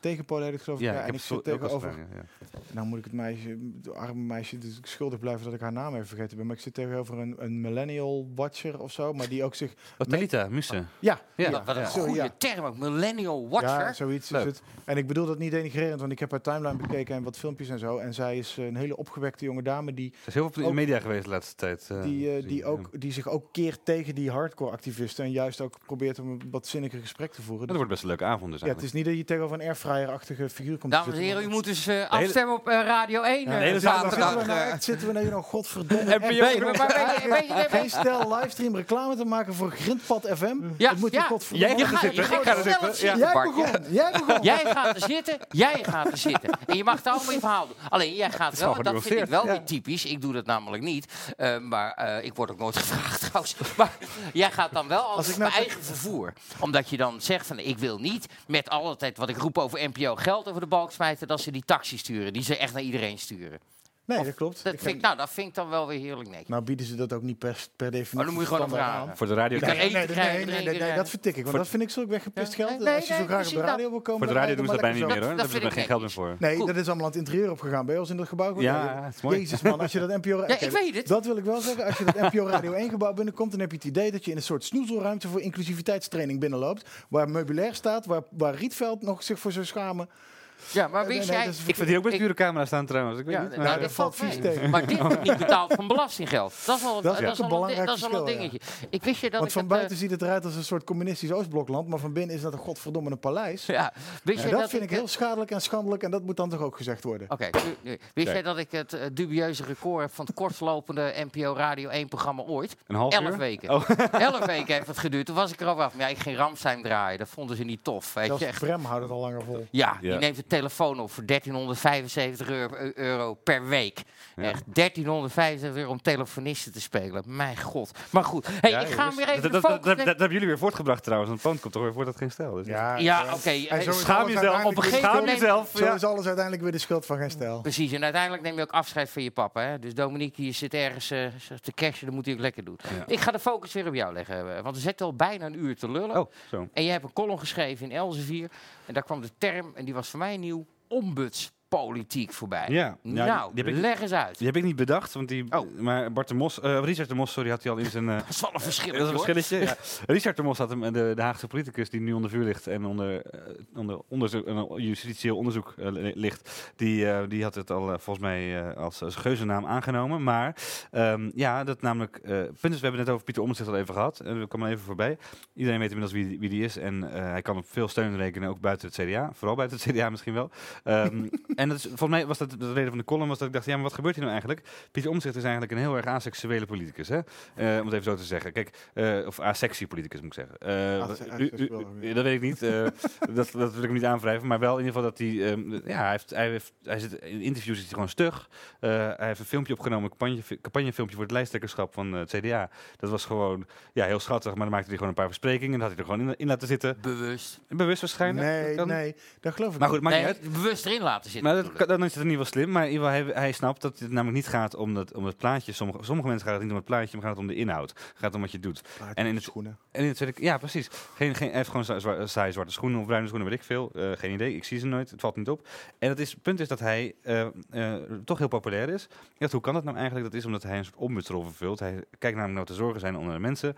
Ehm, en kan je zeggen, ja, dat moet elke politicus doen. Maar nee, maar een politicus is ook bezig met, met ideeën, met, met wijde vergezichten, zoals sommige mensen het hebben over een toekomst of wat dan ook. Ehm, of over, een, eh, eh, of over een, eh, hoe we zo dicht mogelijk bij de Bijbel kunnen blijven of bij, de, bij, de, bij, de, bij de klimaatbijbel. Maar ehm, eh, sommige mensen zijn daarmee bezig, met ideologie. Andere mensen zijn bezig met het controleren van de macht op, of het goede wetgeving. Wat Pieter Omtzigt doet is een beetje, beetje wetgeving, maar is vooral heel erg controleren of het allemaal maar goed gaat. En ehm, mensen voelen zich daar enorm door gesteund. En dat doet Renske Leijten ook. Er zijn een paar andere mensen, maar hij is daar gewoon een koning in geworden. En De nationale omzichtman noemen wij. Nou, Verwijzing ja. naar de nationale Ombudsman. ombudsman. Om, om, omzicht, omzichtspolitiek zou kunnen. En dat is eigenlijk het, hetzelfde. En het punt is alleen wel dat er een hele dunne lijn is. En dat heb ik niet over Pieter Omtzigt zelf. Want daar heb ik geen eh, aanleiding voor om dat te denken. Maar wel bij Richard de Mos bijvoorbeeld. Dat er nu be- behoorlijke beschuldigingen zijn van deelname aan criminele organisaties. Hè, van uh, mijn eet. eh, allerlei ambtsmisdrijven eigenlijk. Eh, dat moet dan maar bewezen worden. En dat liefst, eh, eh, liefst eh, gisteren dan vandaag. Helaas du- loopt die zaak pas eind volgend jaar waarschijnlijk. Wat heel schadelijk is. Ook schadelijk voor de hele politiek in het algemeen. Ja, dit moet je zo snel mogelijk. Ja, Ja, en die dan komen- en dan- veel Je moet dit bevestigen en dan komen, en en dan komen, de, mogelijk. komen de gemeenteraadsverkiezingen er ook aan. En, die man heeft gewoon het recht om daar zonder deze last aan deel te nemen. En als hij Dan, ja, dan wel de kiezer te weten dat ze dat niet veroordeeld is. moeten Ja, dat hij Ja. veroordeeld is. Maar dan moet je gewoon vertrouwen in de rechter. En dat moet dus zo snel mogelijk gebeuren. Het punt is dus dat, dat volgens mij Richard de Mos ook probeert om ombudspolitiek te bedrijven. Die man is opeens heel populair geworden. Heeft negen zetels van de 45 in de gemeenteraad in, eh, in Den Haag gehaald. Zie je, ja, Kan je Heeft- precies vertellen waarom? Eh, Nou, oké. En waarom dan? Omdat die man eh, echt continu met Hagenezen bezig is. Precies. Daar is Ja. hij is Ja, voor ombudspolitiek iedereen dus. telefonisch bereikbaar. Hij loopt op straat. Ja. Mensen zien hem, eh, zien hem in, in, in- ook in de minder populaire wijken van Den Haag. Zien hem gewoon lopen. Of zien mensen van zijn partij lopen. Praten ermee. Zeggen wat ze op heeft hart een hele diverse partij ook, als, om die Ja, lelijke term maar even te gebruiken. Maar, en zonder daar een punt van te maken. Want Ja. het zit helemaal vol Zijn, met... zijn medeverdachte is een andere wetge- eh, wethouder. Is ook iemand van Marokkaanse afkomst volgens mij. Ja. En er zit allemaal, en, maar er zitten ook allemaal hindoes in. Ja. En zo. Nee, nee, Dus klopt, nee. in- Nee, maar dat is, ik, ik ben dus in principe was ik altijd heel erg fan in ieder geval van die politiek. Ik vond het interessant, want ik vind het leuk dat een lokale partij zoals hij die vormde. Hij kwam uit de PVV oorspronkelijk, geloof ik. Maar hij, Ja, heeft, ja. hij heeft een lokale Ja, partij eenmaal eh, opgericht en heeft eenmaal een soort formule bedacht die echt aanslaat. En dat is, kan je zeggen, ja, dat is populisme. Nou, maar hij probeerde ook gewoon die, die wensen van die mensen eh, eh, Alle te, te horen en door te geleiden naar, en ook zelf als, misschien als wethouder ehm, en in het college waar hij in zat,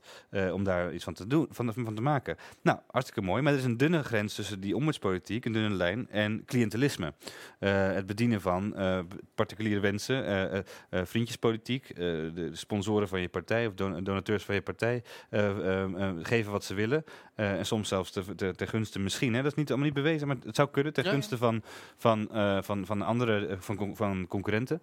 Eh, dus ondernemers in Den Haag bijvoorbeeld. Nou, als dat bewezen wordt, is dat heel schadelijk. En laat het ook zien wat, hoe gevaarlijk ombudspolitiek ook kan zijn. Dus Ja. en hoe schadelijk eh, eh, deze zaak nu is, hoe langer het ook voortettert eh, en hoe vager het ook is wat er nou precies gebeurt en hoe strafbaar dat nou is wat Ri- Richard de Mos en de zijnen hebben gedaan, hoe schadelijker dat ook is voor die ombudspolitiek die juist nu, waar mensen juist nu, kijk naar omzicht, behoefte aan hebben.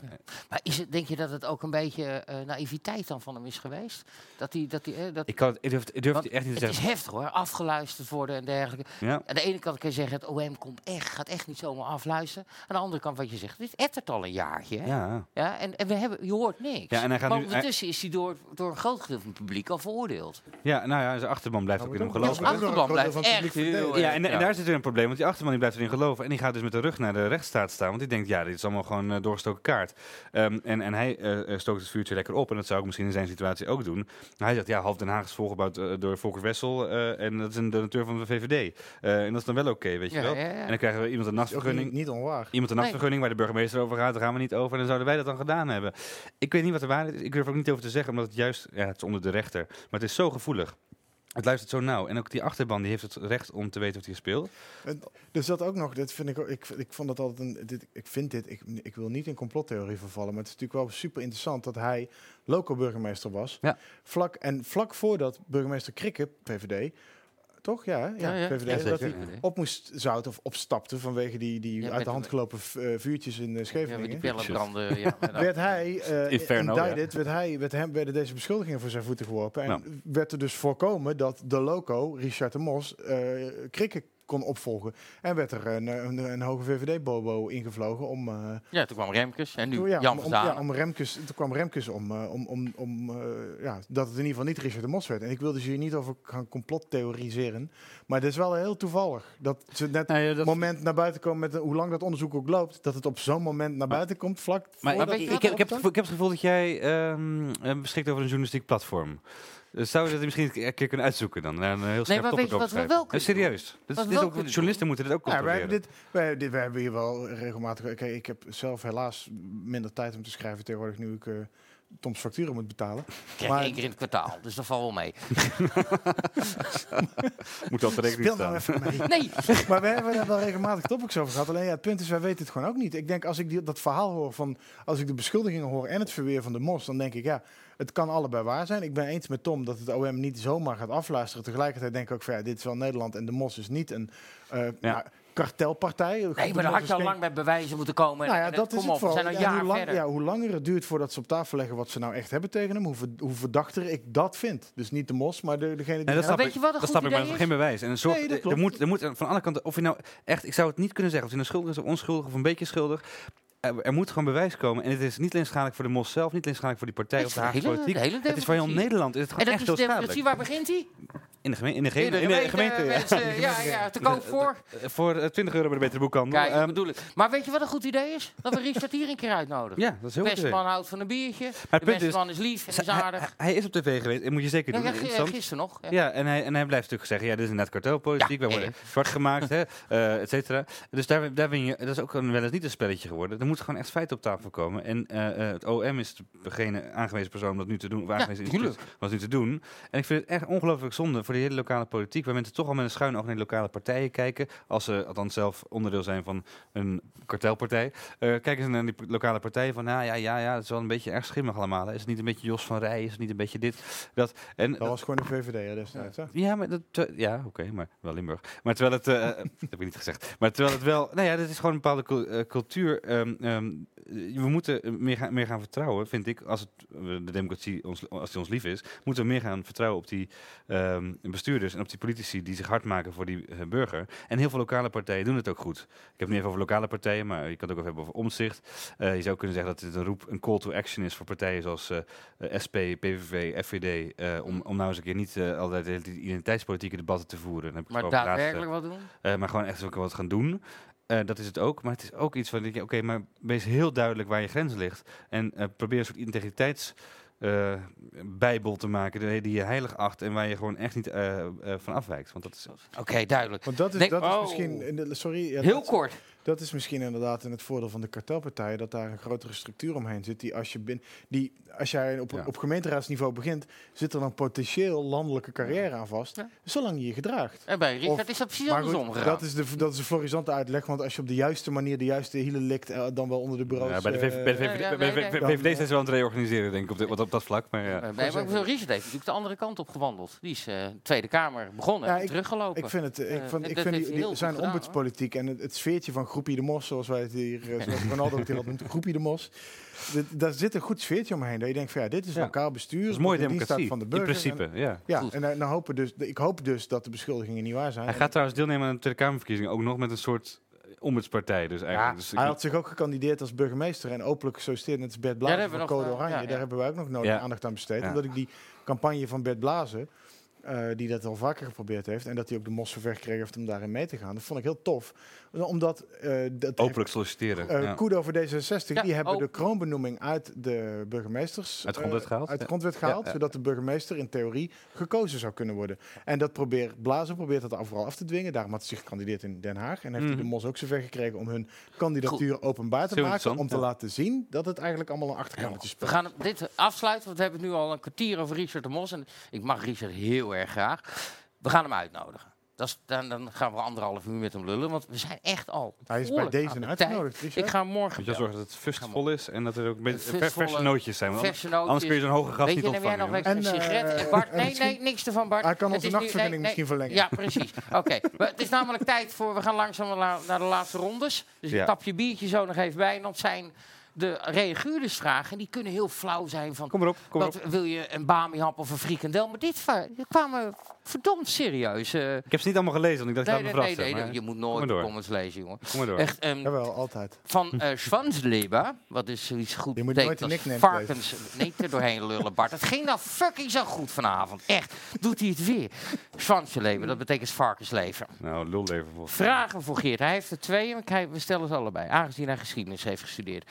Wat is uiteindelijk de bijdrage van de slavernij... aan het verdere verloop van de Nederlandse economie geweest?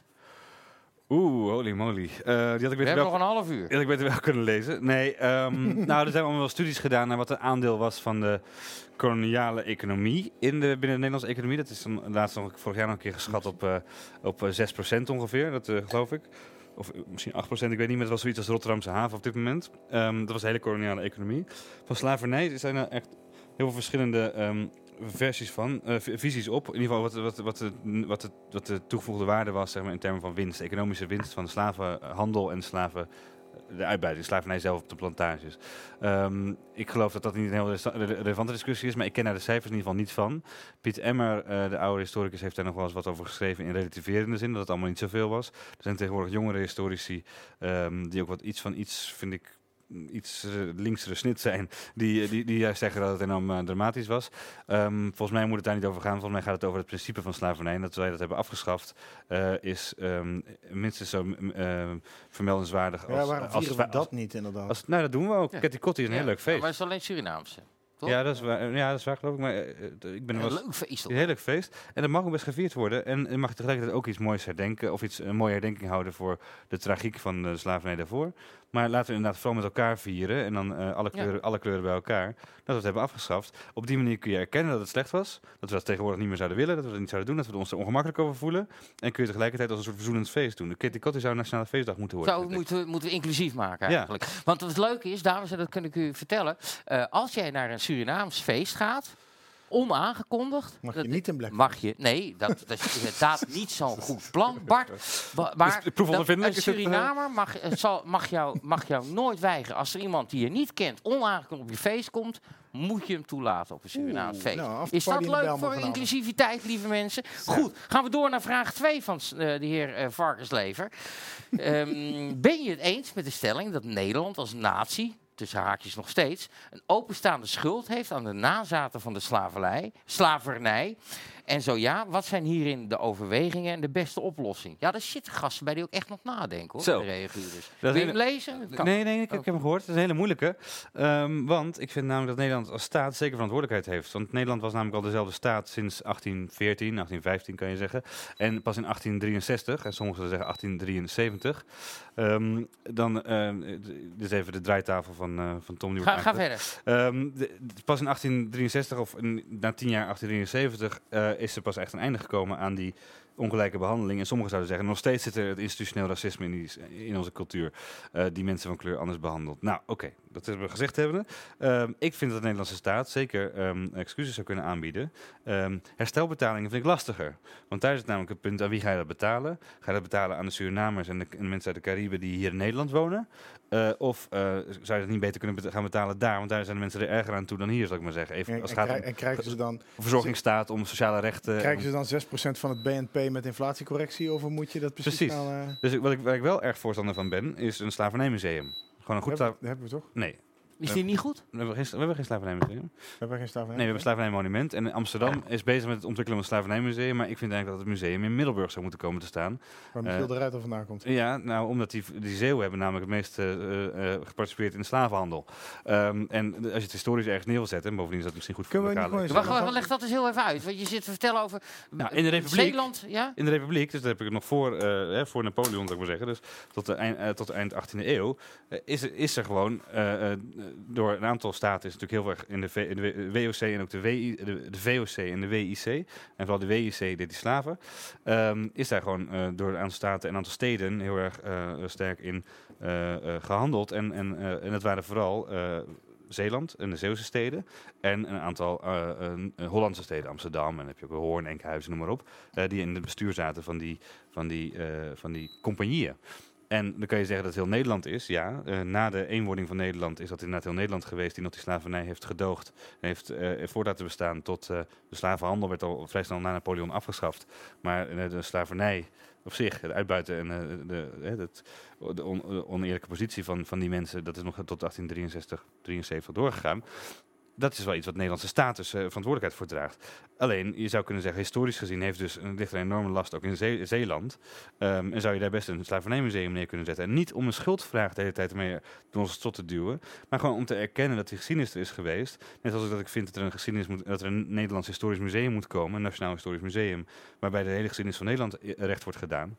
En het heel goed is dat wij een scheepvaartmuseum hebben. Of een, eh, ehm, eh, of een, of een militair museum, noem maar op. Is het ook heel goed om deze geschiedenis te vertellen. En dan kun je daarmee ook bovendien. Dan moet je niet alleen zorgen dat het een museum wordt Het voor. Militair Museum is gewoon een huidige defensieapparaat. Ja, en dat, is inderdaad wel een beetje museum. Ja, en misschien het politiek museum is het de Kamer. Maar ehm, ehm, dat, dat kunnen we even doorgaan. Maar, ehm, maar in dit geval zou het heel goed zijn, denk ik, ook voor de dialoog, om een verschrikkelijk woord te gebruiken, om eens een keer een, eh, goed museum te hebben. En dan moet dan ook, vind ik, een, eh, een, een academisch eh, goed doordacht programma hebben. Geen, geen, het moet geen activistenfeestje worden. Van, van wat voor kant dan ook, maar zeker niet van, ook van, de, van, de, van zeg maar de antiracisme-activisten. die daar dan dat gaan aangrijpen om zeg maar, weer die schuldvraag door, door te duwen. Nee, het moet, een moet, marxistische agenda uit te voeren. Nee, het moet breder zijn, het moet genuanceerder zijn. En het moet niet de, de, de witte mensen die er ook komen een schuldgevoel geven van, oh, wat waren jullie fout. Nee, gewoon van, oh, dit was toen zo. En eh, wat, eh, eigenlijk ook wat interessant dat het toen zo bestond. En dat het toen, eh, slavernij is iets wat wereldwijd bestaat, wat op dit moment nog steeds gebeurt. Ehm, en dat is een heel interessant thema. Je zou het ook in Den Haag kunnen doen, de stad van vrede en recht. Hè? Eh, voor de tijd van grondwetten, voor de tijd van, van grondrechten, of de er- erkenning van de grondrechten van iedereen, gelijkheid, artikel 1 van de grondwet. Is er ook gewoon een systeem geweest dat heel erg eh, eh, ongelijk was. En daar hebben we zeker ook van geprofiteerd. En dan gaat het mij niet om hoeveel we daaraan hebben verdiend. Het gaat mij ook niet om hoe schuldig wij ons erover nu over voelen. Maar de staat op zich heeft daar een soort ereschuld, vind ik. Eh, dat geldt ook voor Nederlands-Indië. Er zou ook een mooi Indië-museum kunnen komen, Indonesië-museum in Nederland. Dat in plaats van geld betalen. Nou ja, precies. Stop het geld daarin. En dan heb je meteen een mooi, dan kun je een mooi verzoenend verhaal vertellen, vind ik. Van oké, maar dat is het verleden. We gaan, moeten in de toekomst ook samen verder. Nou, Goed. Hey, ik heb er nog één. ja. En ik ben vergeten om de, de, de naam van de reaguur erop te schrijven. Maar hij was vrij lastig. Maar het is in ieder geval iemand die een boek van je heeft gelezen. Ik hoop ook gekocht. Oh, dan ken ik hem Dat waarschijnlijk. je toch die, 10 ja, dat je toch die 10% royalties nog krijgt. Want veel meer is het meestal niet de schrijver, weet ik zelf. Klopt, klopt. In, tussen haakje, eh, eh, de titel is in 1848 Clubkoorts en Revolutie. Toch wel je beste werk, vond ik. Je magnums Ik, opus. ik heb hem niet meegenomen. Ja, Nou sorry. nee, Ja. nee. Dat, is, eh, noem je drie voorwaarden voor een moderne democratie. Een, onafhankelijke, een onafhankelijk maatschappij, maatschappelijk middenveld. Erkenning van de oppositie. En het volk als machtsfactor. Ja. In beginsel kan ook op EU-niveau aan die eerste en derde voorwaarden worden voldaan. De tweede, ja, dus de ik niet, ik trouwens, maar goed. Kan, nee, maar dan mag je zo op ingaan. Ik maak, ik- Ja. oh, je moet mij ook even. En, en begin, in beginsel kan op EU-niveau het eerste en derde voorwaarde worden voldaan. De tweede ligt een stuk moeilijker. Want het kenmerkende van, de EU, van het EU-parlement is nu juist dat er geen meerderheid en oppositie zijn. Staat het ontbreken van een EU, EU-brede oppositie de werking van een moderne democratie op EU-niveau in de weg? Goeie vraag. Dan nu ik- aan ik- bier. ik praat gewoon even door op de stream. Ja, eh, nee, ik vond dat, eh, dat is leuk. Ik heb daar natuurlijk heel veel over gepraat en geschreven destijds. Ik heb het proefschrift vier jaar geleden geschreven over 1848. En mijn punt was inderdaad, ehm, wat kun je nou eigenlijk van zo'n historisch onderzoek naar zo'n revolutiejaar als 1848 eigenlijk zien? Eh, wat kun je nou als breder thema zien? Wat is een democratie nou eigenlijk? En ik had er drie dingen over. Nou, het maatschappelijk middenveld. Publiek debat moet er eigenlijk zijn. Hè? Daar hebben we het net eigenlijk ook uitgebreid over gehad. Het is belangrijk dat er een eerlijk publiek debat is waarin iedereen eh, eh, zijn eigen argumenten kan formuleren. Dat is op EU-niveau ook een probleem, omdat er gewoon ook alleen om qua taal eh, ehm, zeg maar een, een barrière is. En alleen mensen die Engels kunnen of die misschien met elkaar in het Frans willen discussiëren, die kunnen dat over de grenzen heen doen. En anders is het toch een nationale discussie, elke keer weer. Ehm, het tweede punt was de, er- eh, de erkenning van oppositie, kom ik zo op. Het derde punt was dan de, ehm, eh, de, het volk als machtsfactor. Dat is in zo'n revolutiejaar als 1848 heel duidelijk ingezet. Ehm, vind ik ook ten goede om te laten zien dat er gewoon mensen, eh, mensen ook politieke burgers kunnen zijn. Gewone mensen kunnen gewoon politiek bedrijven. Dat was eigenlijk wat er gebeurde. Heel spannende tijd eigenlijk. Beetje zoals we nu de gewone mensen ook journalistiek gaan bedrijven en gewone mensen ook eh, eh, gaan bakken, zie ik. Ja, Ja, maar, maar- dat komt zo. Maar komt ehm, dat er, ehm, eh, en, en dat is gebeurd in de EU eigenlijk ook, vind ik veel minder. Omdat er eigenlijk eh, de erkenning van het volk als machtsfactor. In de EU wordt er, vind ik, nogal wantrouwend gekeken naar allerlei, wordt dat meteen genoemd sentimenten, maar allerlei meningen onder de bevolking die misschien kritisch zijn op de EU. Dat wordt Ja, eigenlijk dat buiten de orde de EU niet. Ja. dat wordt buiten de orde geplaatst. Je mag eigenlijk alleen binnen de kaders van de EU mag je met elkaar eens zijn. Dat is lastig.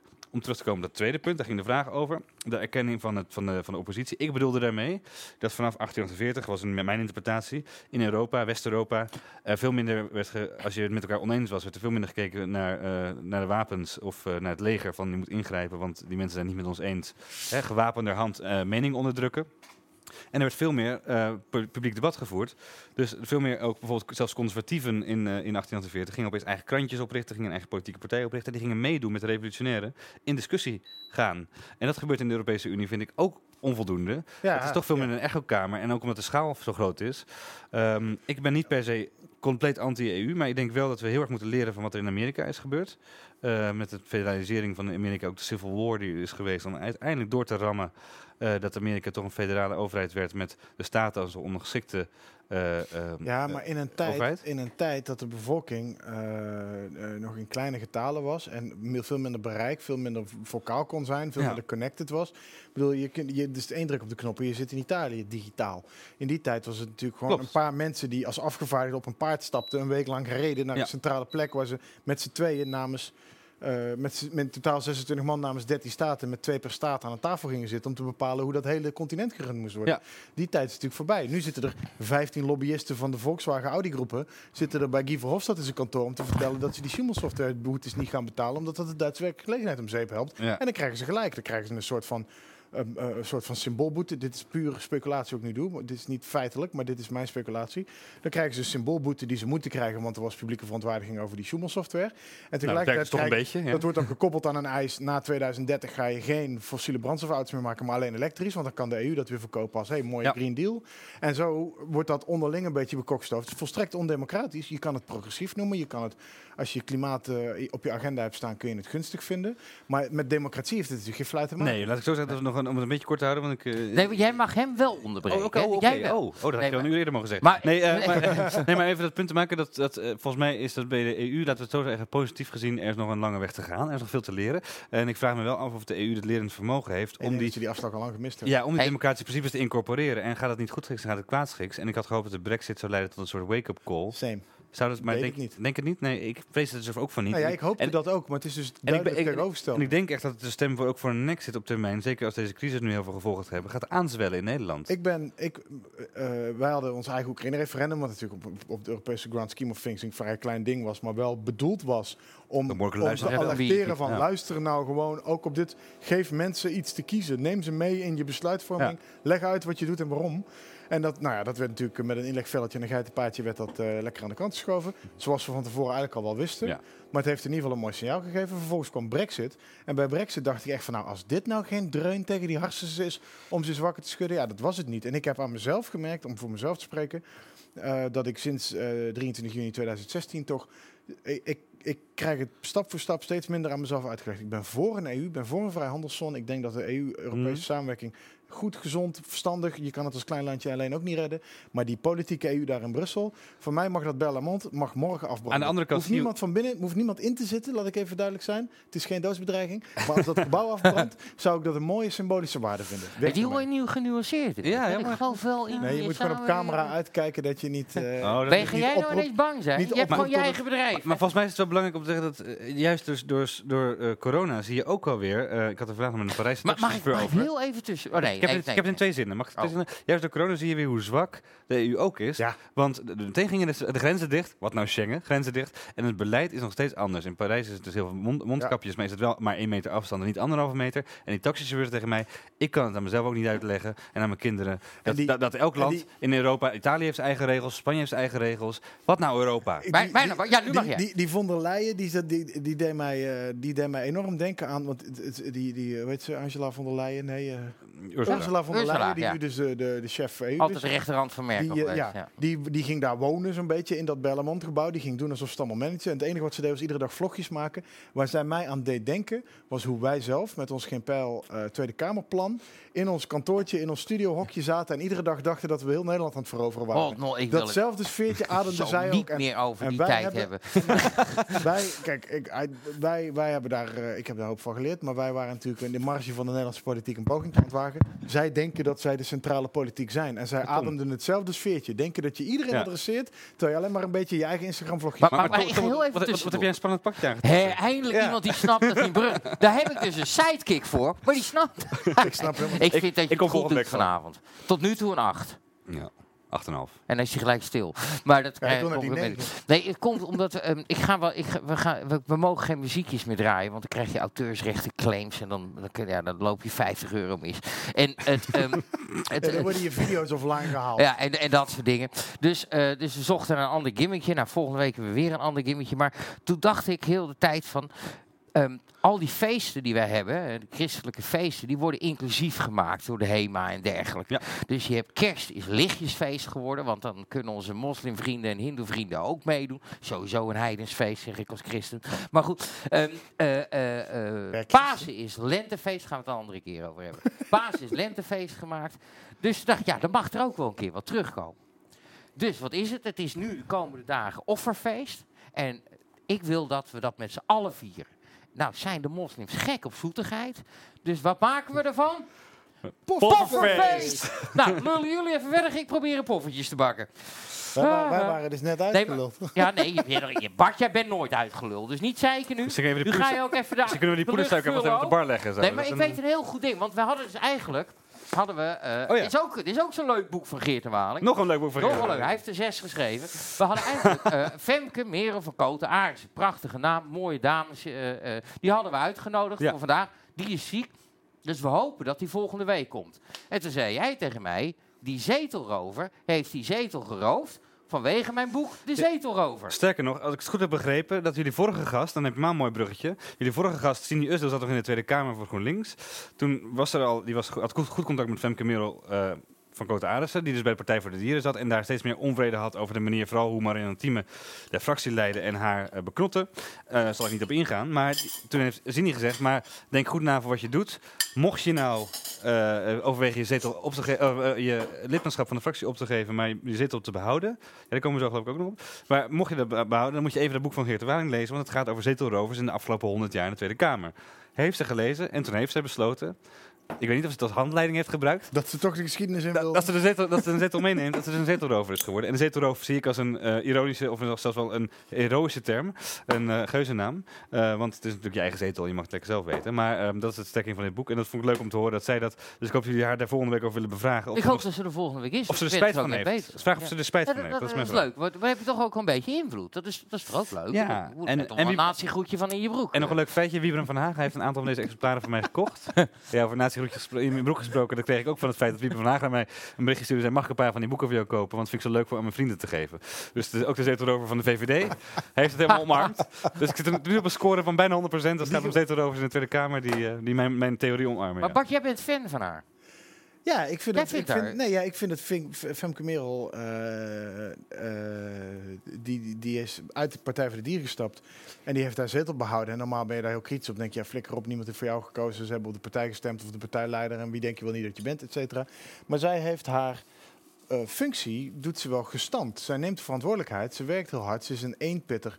Het, ik geloof dat Ja. haar man is haar Ja, fractieondersteuner. klopt. Ja. Gratis. En dan heeft Ja. ze nog een Leuke soort... eh, gozer trouwens. Ja. Frank, en, ja. ja. en ze hebben samen een kind, dus dat eh, geeft natuurlijk ook nog een hoop drukte en stress. En toch zie je haar, ja, oké, om toch nog één keer die naam te laten vallen. Ze is bij meer debatten aanwezig dan Thierry Baudet. Zij is daarbij, Nee, ze doet haar veel. best. Je merkt dat ze haar best doet om achterban te spreken, of in ieder geval om de mensen in het land te spreken, Ja. zo gezegd.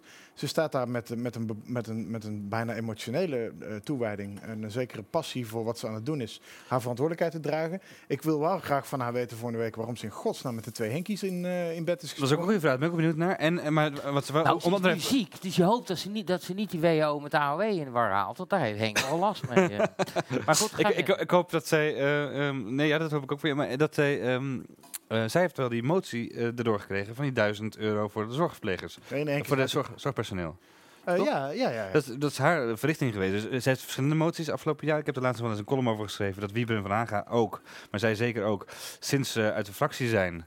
Veel meer eh, gedaan krijgen. Veel meer samenwerken met andere partijen. Veel meer gedaan krijgen eh, ehm, eh, in de Tweede Kamer. En ook echt serieus moties aangenomen krijgen. Wat niet altijd betekent dat er heel veel verandert in het land. Want een motie kan ook symbolisch zijn. Maar ik heb een paar van die dingen gezien. En daar daar valt toch wel iets op. eh, ehm, eh, wat wat complimenten te maken. Dat zij eigenlijk een oude rol als backbencher in een partij. Eigenlijk helemaal niks deden, althans weinig deden. Als je kijkt naar het aantal eh, verrichtingen. Nou ja, En nu, en, nu, en nu gewoon aan het schitteren zijn. En ja, dat kan nu zijn voor, voor haar in ieder geval dat ze door wil in de politiek. Het kan voor Wiebren van Haga ook zijn. Ik weet niet of hij door wil, maar dan zal het voor FVD zijn. Hè? Want hij is nu heel erg close mee. Hij is nu lid geworden van FVD, eh, zag ik. Maar ehm, vooralsnog kan je ze niet ontzeggen dat ze hard werken, inderdaad. Dat is, eh, lukt het allemaal, Maar- Tom? Is dat, eh? Maar Nee, dat lukt nog niet helemaal. Eh, ik heb echt nog nooit van mijn leven poffertjes gebakken. Ehm, maar jij zegt, bent eh, is backbencher bij de Partij voor de Dieren. Partij voor de Dieren had vijf zetels. Wat zegt het over een partij als je vijf kamerzetels hebt en dat er dan een backbencher in zit? Nou ja, zij- ja, maar dat is zij zij moest-. Ja, zij moesten allemaal eh, eh, buigen over dieren-issues. En daar, daar kun je ook nog wel een paar leuke vragen over stellen. Want zij mochten dus op een gegeven moment ook niet over abortus praten. Zij wilden eh, vrouwenrechten wilden ze bespreken. Of homorechten. Mochten ze ook niet over praten van Marion Thieme. En ik vraag me heel ernstig af. Wat ik een verademing vind bij een linkse partij, om het daar eens een keer niet over te hebben. Nee, maar Marianne Thieme is natuurlijk zelf ook zevendagsadventist. En inmiddels is ze is, Oh, is, uit de politiek. En het bleek toch wel heel duidelijk dat terwijl ze altijd heeft gezegd dat haar religieuze eh, voorkeur geen ro- rol speelde eh, eh, in haar politieke werk.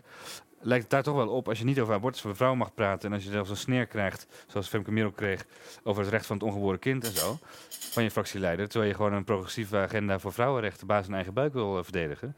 En dan wordt je wordt zelfs, ont, eh, on- eh, wordt zelfs Ja, de verboden om naar het debat te De gaan. Partij voor de Dieren is Ja. niet per se een progressieve partij. Het is een partij voor de dieren. Ik weet niet of dieren progressief zijn of conservatief. Ik denk dat dieren eigenlijk van nature best conservatief zijn. Want die Ja. zijn hier al langer dan wij. Ja, die En die denken alleen maar aan één ding, en dat is overleven. Ja, dat lijkt mij een vrij conservatief standpunt. Ik Wij- denk dat die, de wij- wij dierenpartij zijn is in, in, in, in aard Wij zijn, wij zijn ook dieren hoor In trouwens. moeder aard is dat een behoorlijk conservatieve, conservatieve opvatting volgens Ja. mij.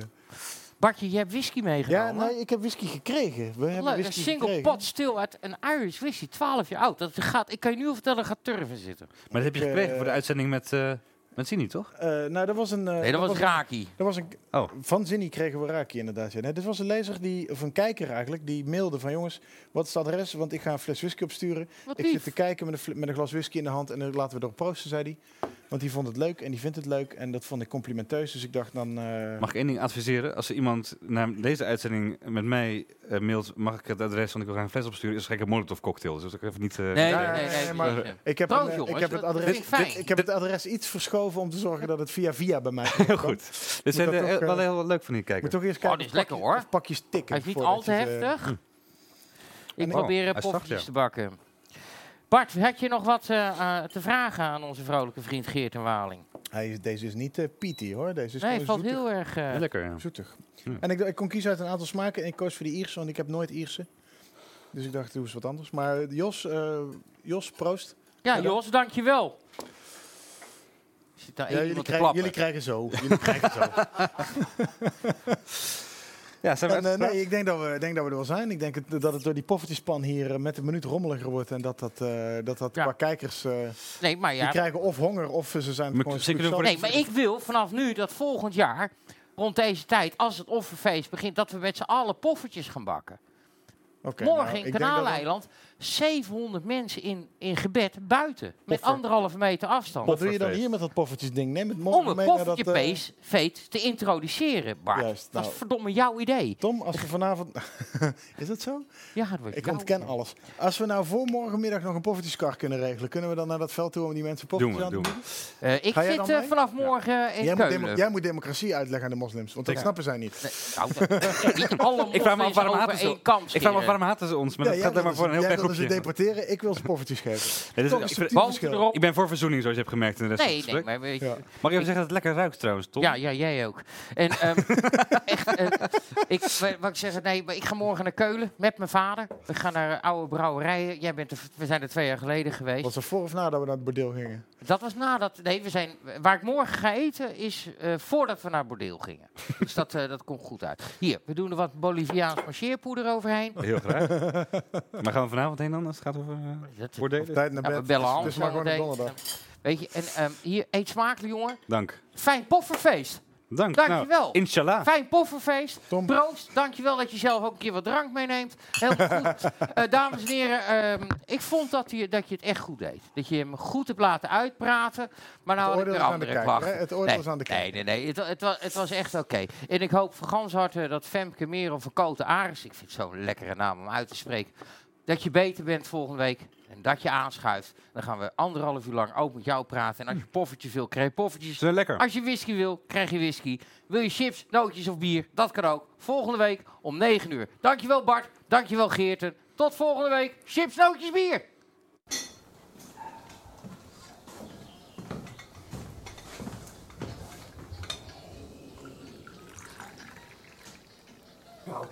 Zo. Eh, melk, suiker? Nein, puur. Ik, ik, ik vind het zo fijn. Zo, ik ben zo blij dat ik zo snel kon komen. Kein Dank. Wir machen das gerne. Ja, ja, maar ik, ik heb toch zo'n last van Joden. Het is echt, echt verschrikkelijk. Hm, Ja, genau. Eh, eh, ze zitten werkelijk overal. Oh? Und da sind da mehrere. Ja, eh, bij de konijnen af. Bij de konijnen af. Het, het, het, lijkt toch er- alsof, alsof er elke dag meer bij komen. Elke dag zo ze meer. Kijken ze je aan met die, met die zieloze, vieze kauwoogjes. En, en dan hebben ze zo'n grote, zo'n zo gore, gierige... Ja, ja, ja. Bijzonder eh glibberig. Gluiperig, dat zijn ze. Gluiperig. Dat, oh, oh, oh, ik zou ze allemaal wel eens... Also, wo sollen wir beginnen mit Suchen? Oh, nee, nee, nee. Ik kan ze zo aanwijzen, hoor. Wirklich? Ja, ja, ja. Zulke, zulke jodenhopen in mijn tuin. Ja, niks aan gelogen. Zulke. Jodenholpen. Ja, een hele gezondere getver. En laatst had ik er bijna in te pakken. Bijna had ik erin. Zit tot hier, tot hier zit met mijn arm. En ik, en ik voel zo die nek. En ik denk, oh, ik hoef alleen maar te knijpen en is het afgelopen. En dan, dan glimt hij er, glimt er toch tussenuit. En dan, dan, dan, dan voelt het zoals ze me uitlachen. Dan het zijn er, zijn er zoveel. Oh, ik word er zo... Mollen, mijn heer. Ja, mollen. Ik word er zo kwaad. U heeft last van mollen, meneer.